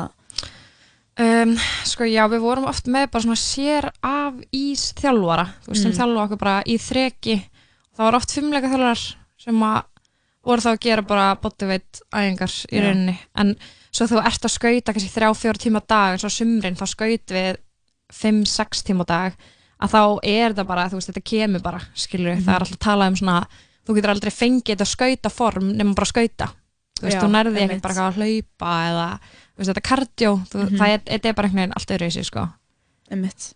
Vá, mér finnst það klika sport sko því að þetta er ekki svo hættulegt þú veist, Mm. ok, mann alltaf fyrir mig sem einhver svona manneski sem horfir á þetta sko bara lengst utanfrá, þú veist, ég veit ekkert um skauta þannig sé og hef ekkert mikil reynslu og ég segi.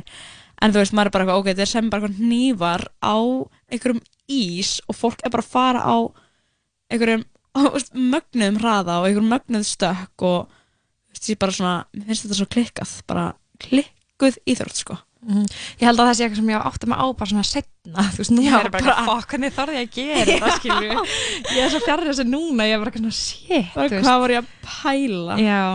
sko, mér langar að spila eitt lag Já. og ég var uh, hérna það er náttúrulega svona einn skautamynd sem að er framar öðrum skautamyndum og við finnum þetta eftir okay. við finnum þetta sem lokalag Já. en Ég ætla bara, það er eitt lag sem kemur upp sko með Queen sem er í Blades of Glory greinlega sem heitir Flash Theme mm. og við ætlum bara að ég fá að hlusta á þetta lag ja. Flash Theme, þetta er Queen og komum svo aftur eftir öskamastend Flash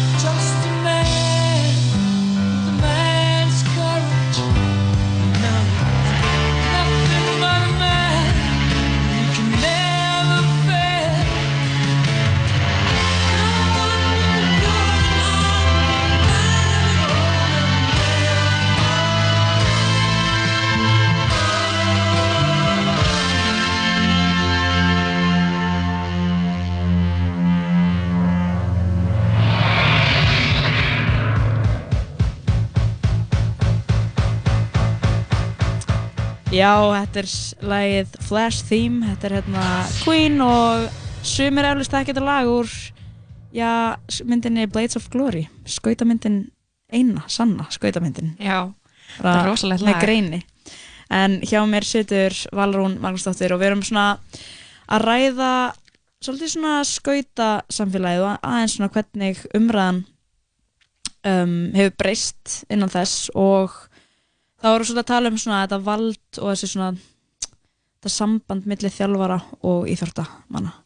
Við erum að fara um við að við öll erum bara svona að tala um svona þína eigin reynslu og kannski reynsluna sem að já, þið hérna heima svona hafið gengið gegnum og bara mér finnst svo áhugavert að skoða bara hvað maður er ungur komin í einhverja aðstæður þar sem er einhver svona einhver ræður aðeins meira og þú ert að, veist, það er einhver, einhver keppni á milli þín og jafningja og og maður veit kannski ekki beint hvernig manni líður með það, skilur Mhm.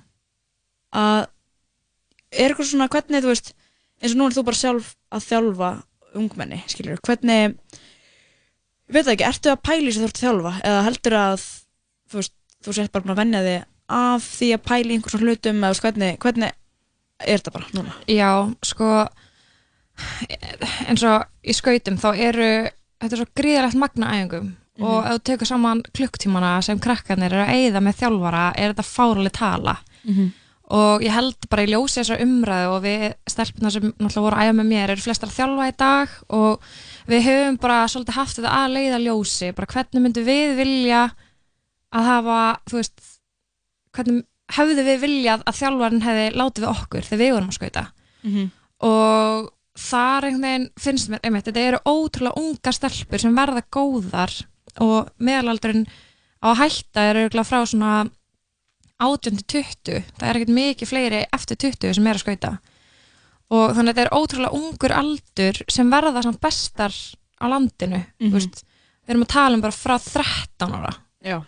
það eru ekki fermdar eða er að Mhm. fermast, skilur og ég held bara að það eru einhvern veginn komnar einmitt á hann stall og eru orðnar allt í einu bara svona afreiks íþróttamenn komnir í landslið og það er svona meiri pressa utankomandi líka frá þú veist stjórnum og, og sambandi og að halda sér í landsliði og okkur Mhm. svona að við höfum alveg verið svolítið einblinn á líka bara að virða skautaran þú veist, Mhm. þetta er manneskja og það, þú veist, er kannski gengur í skólanum eða eitthvað að þú veist, að sé einhvern veginn meira samtal frá báðum hliðum í þessu þjálfara skautara sambandi Mhm. þú veist, að það sé ekki bara innræða, skilur að það sé eitthvað samtal sem á sér stað bara fílaðuru, þú veist, æfingunni í dag var eitthvað annað sem til breyta þú veist er eitthvað að bögga þig? Ertu stressuð fyrir mótinu? Þú veist, að það sé miklu meira frá þeim báðum og þú veist svo er þetta ótrúlega fín lína því að þjálfari má heldur ekki vera eins og jafningi þetta má heldur ekki vera þú veist um, bara eins og vinkona mín mm Mhm. skilur þú veist, það er eitthvað mörskana sem þarf að- bara fínpúsa en svo vildi heldur ekki vera einhver einræðisherra yfir einhverjum og bara með ógslega mikið vald og eitthvað svona. Og ég held að bara það jákvæða sem hafi gæst núna undanfari að þú veist bæði félögin og sambandi skrifa yfirlýsingu eftir að við komum upp og, og eru þú veist að auka þjálfun hérna hjá, neð, auka mentun hjá þjálfurum og eru svona að reyna bara að auka fræðslu og bara opna veist, þetta samtal, bara þetta er ekki lægi við þurfum að leggja línur, hvað þú veist, eru marga kynnslóðar sem að fara í gegnum þetta og enginn Mhm. segir neitt skilur mig? Það er klikka sko. Og einmitt líka bara að því að ég held líka að eins og nú, þú veist, núna veit ég bara þú ert að, þú veist, ef þú væri bara að þjálfa barnið mitt, skilur, ég myndi bara treysta þér, þú veist, ég veit bara hvernig þú ert úr þessum heimi, skilur en hann að pældi í fólundrum sem á kannski vita ekkert endilega hvað er í gangi hérna bak ykkur tjöldin og ég held að það sé líka svolítið við skautana og sem á bara aðra einstaklisíþróttir er bara, ok, já, vá, bara þessi er alltaf á æfingum, bara það eru ógsta langar æfingar og mikið æfingum og mann finnst alltaf eins og félagar mann sem er að æfa svona, eins og fimmleika og skauta og svona séu bara alltaf á æfingum. En svo veit maður ekkert endilega hvað er í gangi á þessum æfingum, skilur Mhm. Og þetta er svolítið svona lokað þetta er svolítið svona lokað community þanga til að það er komið í glimmergallan og, og farið að hoppa á svellinu skilur, Mhm. á, á okkur móti á okkur sýningu eða eitthvað svona. Og þá er þetta allt ógislega fallegt skilur, þá er maður bara vá hvað þetta er flott og þú veist, bara hardware skurgla og allt svona. En maður samt, þú veist, sér greinilega ekki hversu mikil vinna þetta er sem að börn og bara ungmenni er að leggja á sig. Mhm. og mér finnst það vera svo mikið svona þú veist, að ég veit ekki. Ég man að hún nefndi þetta hérna, hún, hvað heitir hún, Kýra Já, Kýra Korpi frá Fylandi í viðtalið sem hún er að opna svolítið með þetta og sagðist líka mynda að hún er fengið svolítið gaggrinni og svona, bara það lúkar, þú veist, ógislega fallega utan en að innan frá þá er þetta bara eins og þú veist, hvað hún? Lí- líkti við kirkju, skilur Mhm. bara looks good on the, on the outside en bara þú veist, on the inside terrible, skilur, og maður er bara eitthvað mm, nice, skilur Nákvæmlega Þetta er Þannig- líka hvað, þú veist einmitt, þetta er svo mikið bara bak við tjöldin vinna sem fer fram, Mhm. skilur og, og fóldrar hafa ekki tíma til að mæta alltaf á æfingar og fylgjast með skiljanlega auðvitað á trusti líka bara að vera á þjálfarum Mhm. skilur og það er líka bara svolítið sem við erum kannski að reyna að vinna tilbaka þú veist, núna eftir þessu umræðu þú veist, að því að ég meina fóldra barnana sem ég var að þjálfa tóku þetta eftir umræðu skilur Mhm. og, og, og þú veist, það er verið að vinna í þessu að, að bæti þetta, skilur sem betur fer, að því að veist, það er ekki tækt að, að láta svona lengur veist, og, og það er líka geggjað að það sé ekki bara á Íslandi veist, að það Mhm. sé út um allt Einmitt. að því að oft hefur umhverfis mikil áhrif þú veist kannski að fara út að keppa þá er bara allt ennur stemming skilur einmitt. eða þú ert að fara út í sumbúðir eða þú veist eitthvað, það verður Mhm. að vera einhvern veginn samræmi bara í bara öllum skauta heiminum skilur þótt að Nákvæmlega. Rússland er örugglega aldrei að fara með okkur í þessu sko eða, eða Austur-Europa en, en svona allan á Nólundum þar sem við erum svona nákvæmnar Einmitt.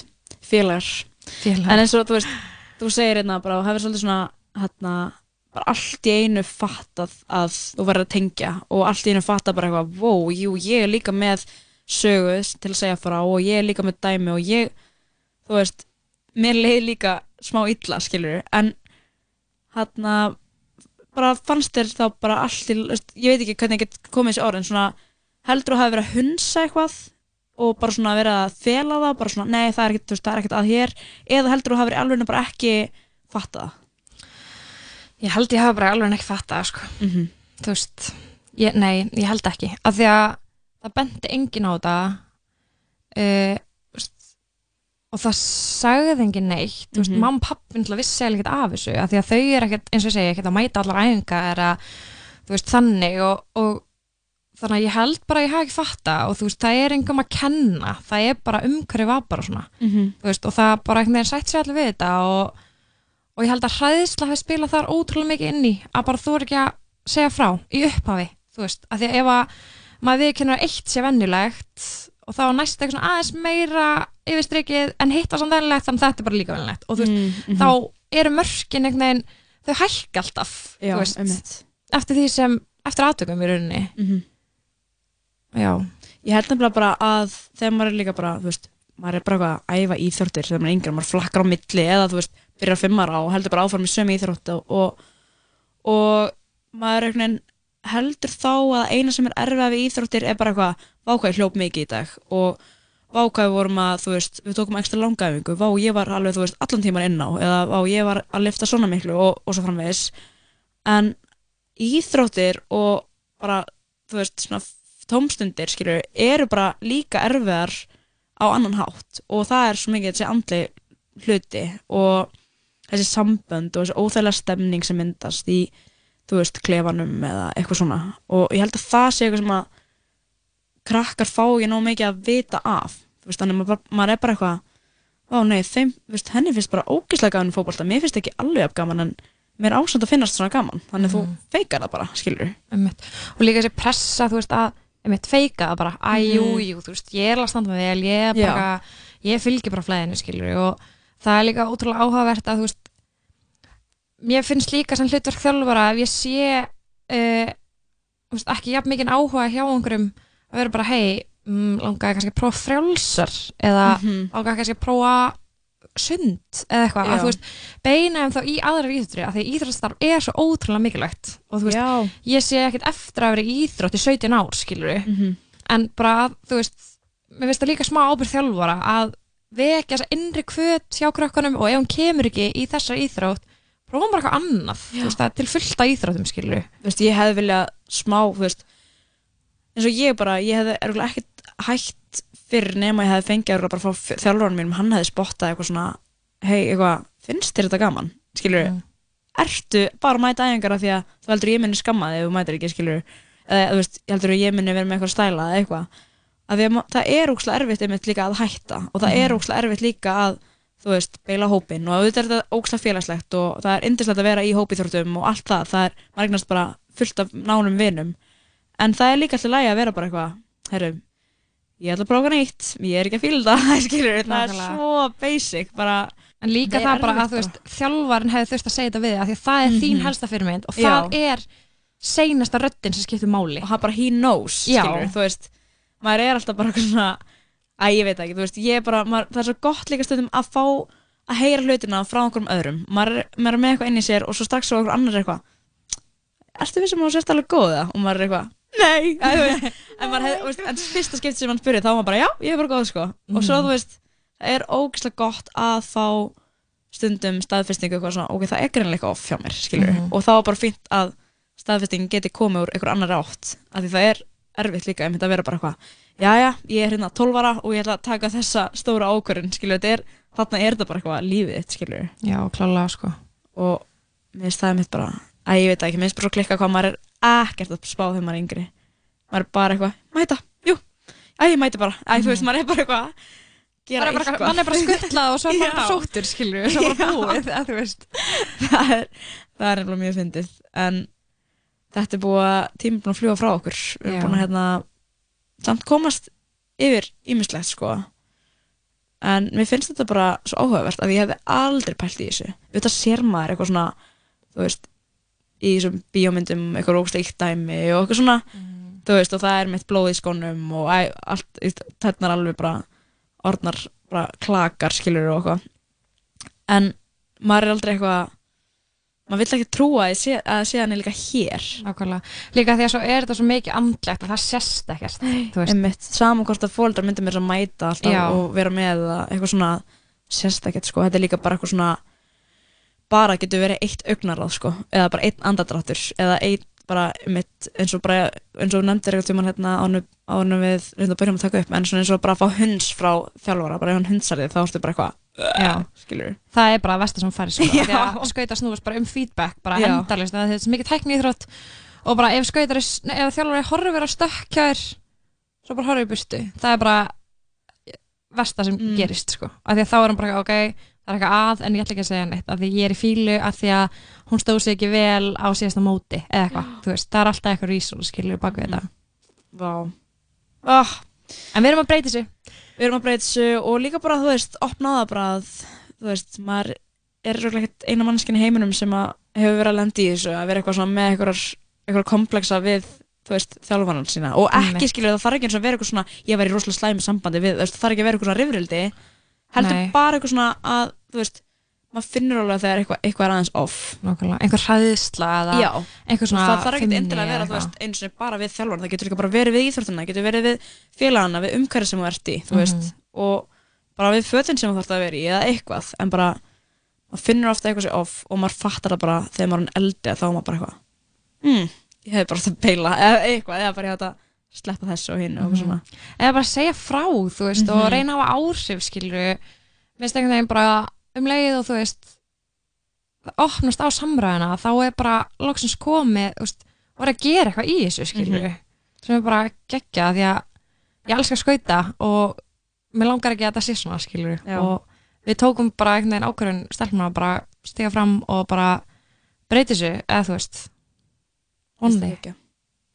Ég vona bara að það breytist og haldi áfram bara að að verða betra og betra. Og það tekur bara tíma líka. En þú talar um einhverjan aðra skauta mynd á hann, ég veit ekkert hvað varst að pæla við þú mæntar að hlusta annað, annað lag úr Blades of Glory. Sko, þú nefndi nefnilega hérna lagið Bocelli, Bocelli Já. lagið, kann ekki segja uh, Conde Partiro. Og þetta er lag sem að flestir kannast við og, Og Blades of. Glory líka. líka úr Blades of Glory, iconic mynd, iconic lag og bara iconic spjall sem við erum búin að eiga þetta vala. takk Já. hella fyrir að koma Takk fyrir að fá mig þetta er búið að vera yndislegt og þetta lag er að gera svo góðan tónin undir en Valarún Magnúsdóttir, Skauta Queen og bara, bara overall Queen takk hella fyrir komuna takk fyrir sjáumst Sono solo e sogno all'orizzonte, mancano le parole. Lo so che non c'è luce in una stanza quando manca il sole. Se non ci sei, tu con me, con me, su le finestre. Mostra a tutti il mio cuore che hai acceso. Chiudi dentro me la luce che hai incontrato per strada. Con te partirò.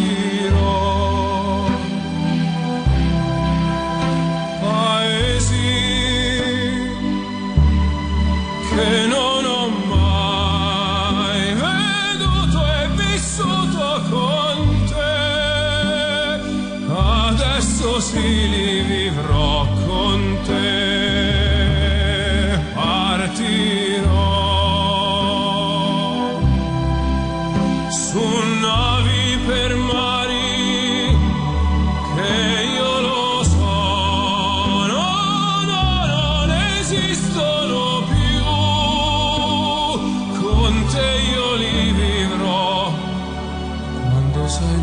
Lontana sogno all'orizzonte mancano le parole.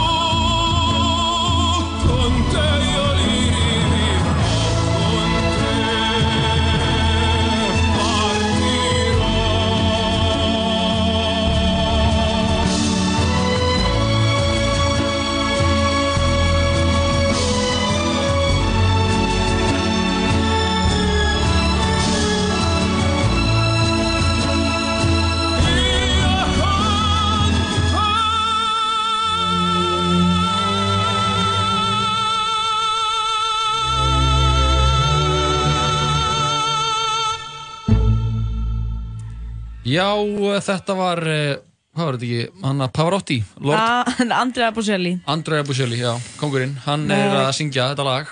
Já, það lag Það kom til að partí og ángríns, Þetta er- pælti í þessum banger, partí lag. þegar einhver tók þetta upp í fyrsta skipti.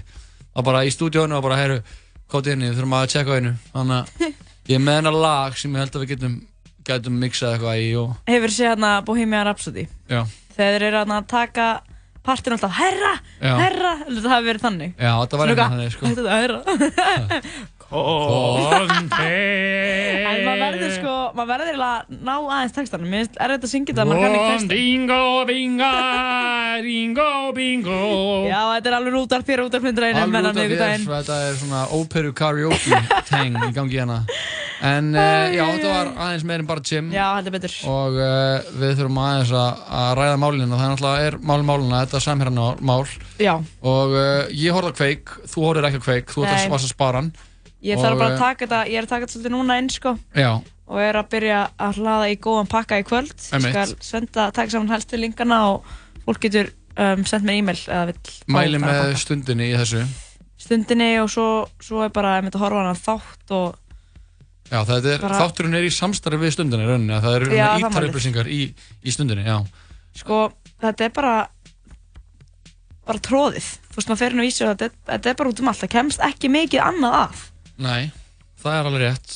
Björn Bjarnason segir sko hann alltaf er fyrrum uh, dóms- og kirkjumálarðara að með minnir. Uh, hann er að tala um að þetta sé uh, atlugu rúf að samherja. Já. það er alveg ég skil bara ekki hvernig þetta lið getur einhvern veginn látið eins og þetta sé eitthvað annað en það er einmitt, það er svolítið Það er bara leiðilegt að að fara arðræna bara eitthvað þjóð í Vestur Afríku sem er sko bara, bara svona ofur fátæk bara, það er bara poverty bara sem er að anna, sem er bara búið að rústa þessu landi og það eimskip samherji mætir hana með einhver lofurð um, um uh, að uppbyggingu og uppbyggingu og hjálpa innviðum hér samfélagsins með þessu kaupsamkvæmulegi svo er þetta bara arðran, þeir eru bara að borga einhverjum mútur, borga einhverjum toppum og eru bara að hyrða kvótana og langt fyrir neða markasverði og síðan er við eitthvað núna að eins og þetta sé eitthvað annað finnst það bara svo þetta er svo mikið boomer madness í gangi sko. Mér finnst það bara alltaf verið svona með allt, allt svona, þú veist, svona stór mál að í staðin fyrir að feysa og konfronta það sem að þú ert búin að gera Já. að þá ertu eitthvað svona það má ekki segja þetta við mig svona því þá er það ólægt í staðin fyrir að segja bara hafa gert eitthvað þá verður frekar að bleima hvernig það komst upp um þig skilju, og mér finnst það svo svona um, ég veit það ekki veist, og fólk í alvörunni þá, þú veist, fólk fær þá liðsmenn til sín líka skilju, eitthvað, finnst, þú þannig að þetta er alveg, þetta er erfitt. Þetta er alveg fárlegt sko, hana, það er eitthvað að vera að byrja að fjalla um þetta fyrst núna á mbl.is og uh, já, þú veist hann alltaf er, erum með eitt svona whistleblower í þessu, það er hann fyrrum starfsmæður Samherja, Jóhannes Stefansson sem átt, stóð í mikið af þessum samskiptum. Mhm. og hann, uh, hann sagði í þættinum að hann var bara komið nóg, hann gæti ekki gæti ekki sofið fyrir þessu, bara að vita að hann hafi bara tekið þátt í að arðræna þjóð og bara rústa bara þróunlandi í Afríku. Einmitt. Bara svo einhverjir íslenski gæjar geta verið að græða ekkert pening á þetta. Er bara oh man, herru, ef við fáum eitt lag við getum, ekki, við getum ekki rætt þetta of mikið af því að Nei, við, er, við erum ekki sérfræðingar, fólk þarf að kynna sér þetta við þurfum eiginlega bara að ringi Helga Sælun og beða um að koma í þáttinn sko. já, það er bara bara þar, eina, eina í stöðunni Herru, glænýtt frá Muramasa og Slow Time lagið heitir Deal With It Deal with it! Alright, alright, alright, alright. Walking, I walk to the shop, I bop and take it steady. Fighting with my sisters in the house, she's on the couch, can't move much. Got tea in my hand and I'm trying to do stuff. I woke up, I slept and woke up again. And this life they never fucking change. I went to the pub and asked for a pint for three quid. He said it's a fiver, well that's gentrification, you prick. Deal with it. Walking back through my old estate. I see my mates that ain't my mates and they don't wanna stay safe. They say you've changed. Fuck, deal with it. One, two, three, four. Deal with it.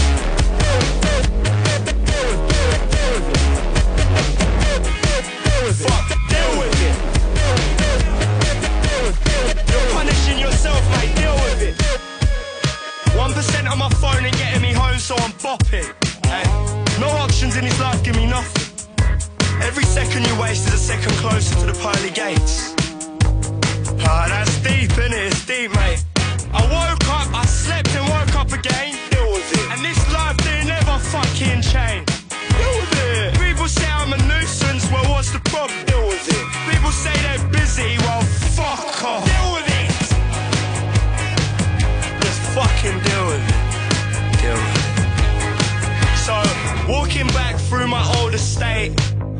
See my mates sat in my mates and they don't wanna stay safe. They say you've changed. Oh, you've changed. Oh, you've changed.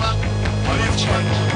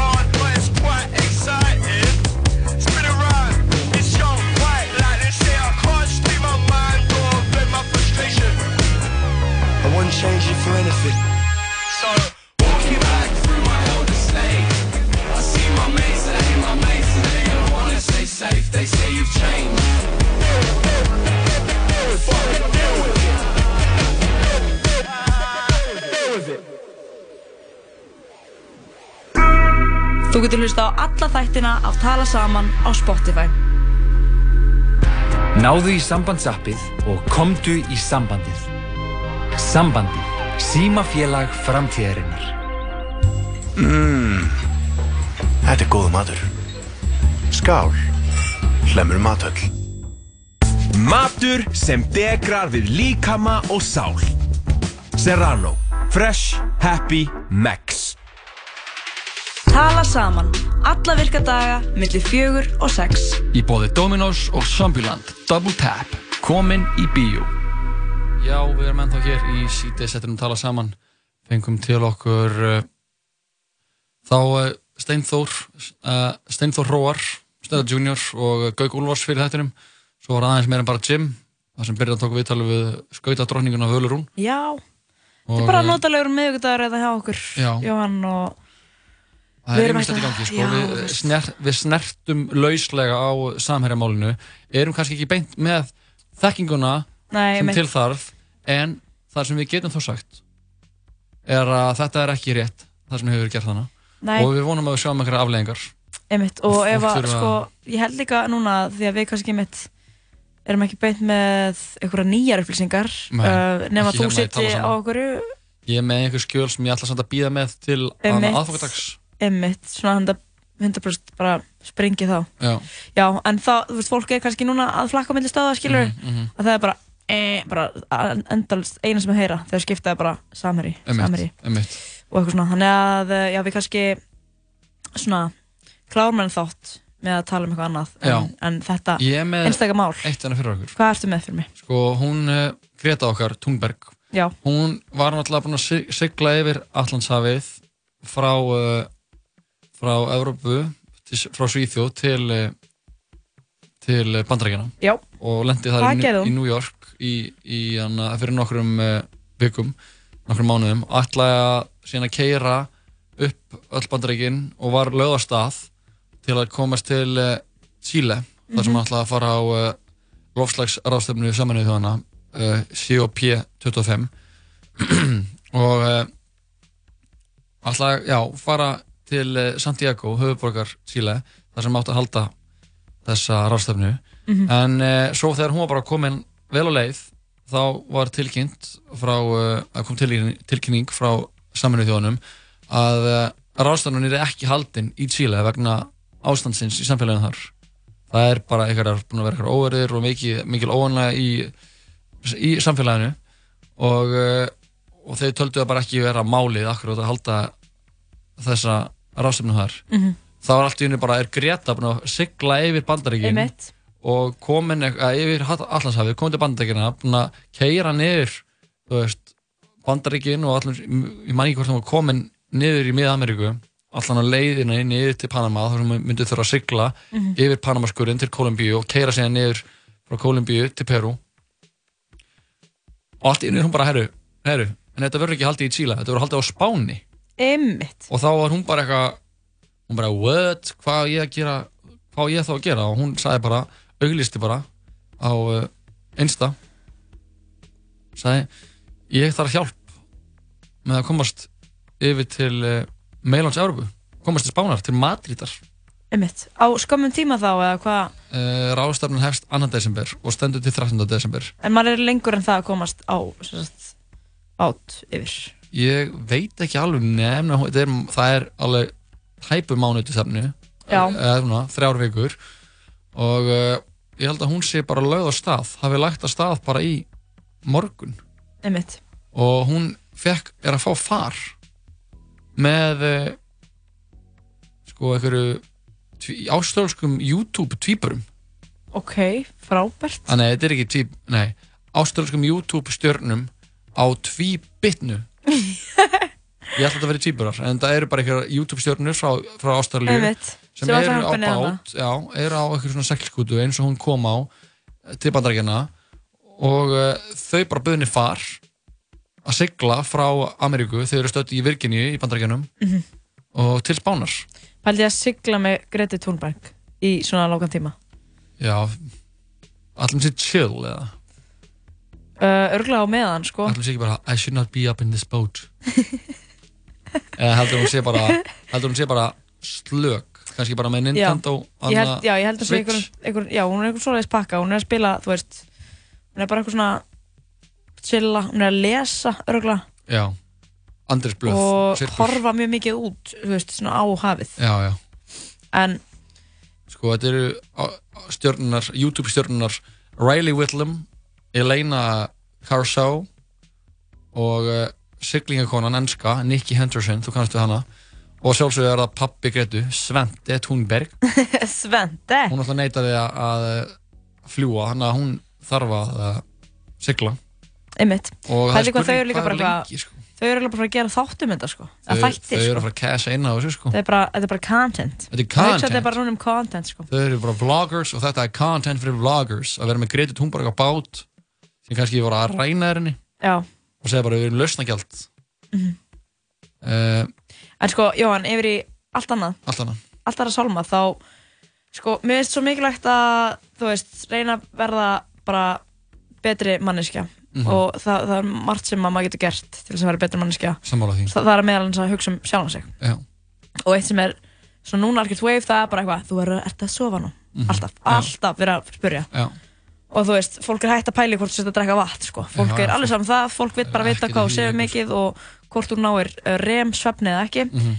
en þannig að veist, ég er svona ít á allt sem er svona hvernig átt að þú veist sofa og hvað er eitthvað svona, svona þú veist tips and tricks Mhm, skilur mhm. þegar maður þreyttar á þessu sömu. Ok, og svo, núna bara, þetta er okkur grein bara útbúðið svefnarbyrgið fyrir góðan svefn. Og ég bara, ú, ok, næst, kannski er eitthvað þarna sem ég get tekið með mér. Nei, það eru fjögur atrið eða fimm atrið eitthvað. Og þetta er allt bara bara þetta Sama. gamla góða, skilur Gömlu tuggunar bara hafðu herbergið skipulagt. Maður er eitthvað, nei. Maður er eitthvað, fjárfæstu í góður dínu kostar svolítið mikið, allt í lagi. Ok. veldu gæða rúmföt, kostar aftur. Skipu, nei, skiptu reglulegum rúmföt, maður er bara eitthvað ég veit, út með öll ramastæki og spáði í lýsingunum, maður er bara eitthvað svona getur við ekki fengið eitthvað nýtt, skilur ert þú með eitthvað svona leini tricks fyrir fólki að nóti? Uh, ég tek melatonin Þú tekur melatonin? Já, Ég fann að taka magnesium. Já, magnesium melatonin eitthvað svona, eitthvað góð uh, efn, efni eða eitthvað svona hormónar. Já, uh, Síðan er trikk sem ég sko beiti ekki nóg mikið sjálfur, ég hef gert þetta það kemur í smá svona kemur í smá svona köplum Já. en það er að fara alltaf að sofa sama tíma. Já, en maður já. gerir það þá og vakna á sama tíma líka. Já, að hafa þetta reglubundið. Ég er Einmitt. ofta að fara að sofa bara klukkan bara hálf ellu, eitt kvöldið og síðan næsta kvöld klukkan þrjú Já, ég held að við séum oft sko svona allavega Íslendingar og kannski þá sérstaklega svona ungmenni Mhm. eins og, eða svona ungt fólk Mhm. um, sé oft bara svona að taka saman svefni sín í bara svona klukktími hér, klukktími hérna Já. sjö tímar hérna ok, það er gott, skilur, svo bara 5 tíma nótt, svo er 30 tíma núna, eða, fólk er bara svona að plúsa. bara í safnast þegar saman kemur En ég held að okkur vanti stundum um þetta svona, þetta næði í 8 tíma, Mhm. cirka, til að bara fá að vera í friði Mhm. og ná í alveg góðum svefni. Já, sammála En- það er ekki, þú, þú tekur þetta ekki saman sko. Nei, ekki ég veit, en ég held að sé bara í alveg bara, þú veist, eins og ég hefði viljað sjá bara, þú veist, prófa að drekka þetta fyrir. Já. Ekki drekka þetta fyrir. Þú veist, þessu stundum er ég bara eitthvað svona, Ekki fara að borða saddur. Nei, einmitt, og líka bara, líka bara eitthvað svona að drekka gett mikið eitthvað svona sítrunu, þú veist, þú veist, ég svona sítrun te og hvað hann dótt. Aha. Og þá, svo sé ég eitthvað svona, svona dropar sem eru svona sítrunu, svona, sem maður setur í, Sítrunu drip svona ilm, Ilmkjarnaolíu? Já. Að það er meira svona work mode dæmi, en ekki slökun. Æ, skilur, Já, þú veist, já, já. ég er bara eitthvað, ó, veist, ég er að gera eitthvað vittlust og það er enginn lavender. að segja mér það, já, frekar á þessu lavendur til dæmis, eða er- það er appelsínu, um, er, að- eitthvað. er að vera sko með svona lavendir hana, duft Mhm. frá lavendirplöntuna við erum búið að choppa eitthvað niður og láta í svona lítinn kotta Já. pingur lítinn kotta og hafa það á kottaniðinum yfir daginn Mhm. sem fara að sofa, tekur hann af þá er þessi róandi svona stemning sem fylgir lavendir lyktinni á kottanum og hjálpa þér inn í drauma heima Ég hef sko verið að vinna með eitt sem að veit ekki hvort það sé að virka það er að gera þú veist svona vass með notur svona drópa nema að blanda við vatn og spreyja yfir rúmið sko eða Já. spreyja svona smá, bara okkur ponsu Já, það go go kemur góð lykt sko en ég veit ekki hversu mikil mikil svona áhrif þetta hefur á, á mann en þú svo hef ég líka prófað að setja lavendur svona eitthvað svona bara rétt svo svona smá og svona hérna peys svona undir hálsunum eða hjá Já, bringunni já, já. þá fær maður lyktinu svona upp alveg svo það með stíplu og það er kannski að maður ge- getur sett svona dót á bringuna sér Mhm. og þá væri alveg að kapna úr lavendur sko ekki gera það maður þarf að láta kannski, maður þarf að fara varlega í svona ilmkjarnolíur á kroppin sko. en mér finnst vanta, þú veist, eitthvað annað en eitthvað já, hætti svo í símanum klukkutíma fyrir svepp, maður er bara, já, já. Mér vantar líka, mér vantar meira dónt sko. Já, já, já. Ekki bara minna dús, meira dónt Já, vá, ég er sammála þessu. Ok, sorry, ég þurfti bara að komast út. Herru, við vorum samt með flottan þátt í dag. Já, við vorum með þrjusu þátt. Gaukur uh, góður Vala landsmenn, Rún. Þ- Þorsti. Þorsti, Valarún, aðeins meira bara Jim. Rættum aðeins Túnbergin Hún kemur, hann hann að beða svona að koma hérna í þættinum. Já, það þarna- Túnberg geitin mjög sjálfgeft þegar það gerist að við tölum ekki um hana. Ég verð að fá að minnast á að ég fór í gæra á síningu uh, Andrasnæs, kvöldstunum með listamanni í uh, Borgarleikusinu Mhm. mæli með að fólk uh, sæki hana eða lesi bókina. Það er samingi að fá samingi sem margar skortir, til dæmis mig. En ég, maður svona, þetta setti hlutina í, í, í nýtt ljós séði nýju ljósuna og uh, svo finnst mér mikilvægt að minnast að það að allir sem uh, eiga vini Mhm. eða eitthvað fólk sem það þykir væntum að vera dölvöld að spyrja hvernig fólki líður já, og þannig að bara aldrei áætla allir, eða veist það er ekkert að áætla neitt við, við, maður veit aldrei hvað fólk er að, dröstast með yfir daginn og bara að vera duglega að spyrja vinn okkar og vandamenn bara hvað er hug, eða þú veist hvað hann að sé í gangi hjá þeim, hvernig þið líður og Mhm. hann að hvort það sé eitthvað sem þau vilja létta af sig með það því að oft eru margir með mjög þunga bakboka sem er mjög örfitt með að burast með einir Einmitt. og hann að góðu vinnu getur gert kraftaverk og bara einmitt, hlusta á, hlusta á vinsina sko Já. og, og gefa sér smá tíma Já, getur fyrir miklu betra en eitthvað eitthvað annað sko ángríns tíminn að við erum að vera ekki afmelda á tíman okkar sko. þrátt fyrir að hann, að hann sé mikilvægur þá er þá er hann ekki mikils virði að maður er ekki að, að setja hann á á réttu staðina sko. Og, eh, og vinninir þeir eru mikilvægastir. Já, það er rétt. Vinninir og fjölskyldan. Þetta er einhvern veginn bara þannig Jóhanna við eigum bara að tala saman sko. Já, þetta eru kjörunum okkar, tala saman. Jöps. Þakka fyrir okkur í dag, verðum hérna aftur á sama tíma á morgun. Heldur betur. Og eh, endum þetta á Young Lean. Take a pill and go to sleep. I'm chasing witches in the street. I'm the last page in your book. Can't write a song, only do hooks. Watching horses in the fields. The dragon rests in agony. When I'm afraid I lose my mind. It's fun, it happens all the time. When I'm afraid I lose my mind. It's fine, it happens all the time. Isolation caved in. I adore you, the sound of your skin.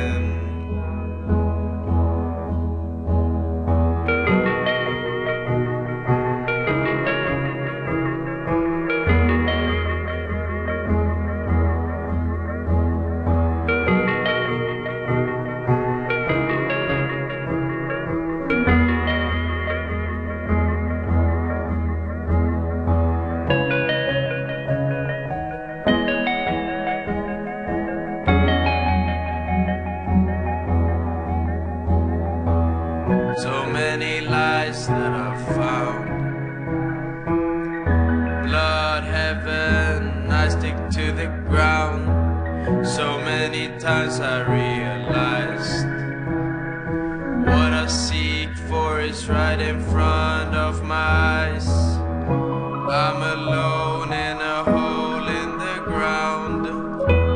A theater of dogs is still around. My furniture's come alive. I'm dancing with a candlestick tonight. Flying driven outside my window, smiles with fright. Isolation caved in. I adore you, the sound of your skin. Isolation caved in. I adore you, the sound of your skin. Isolation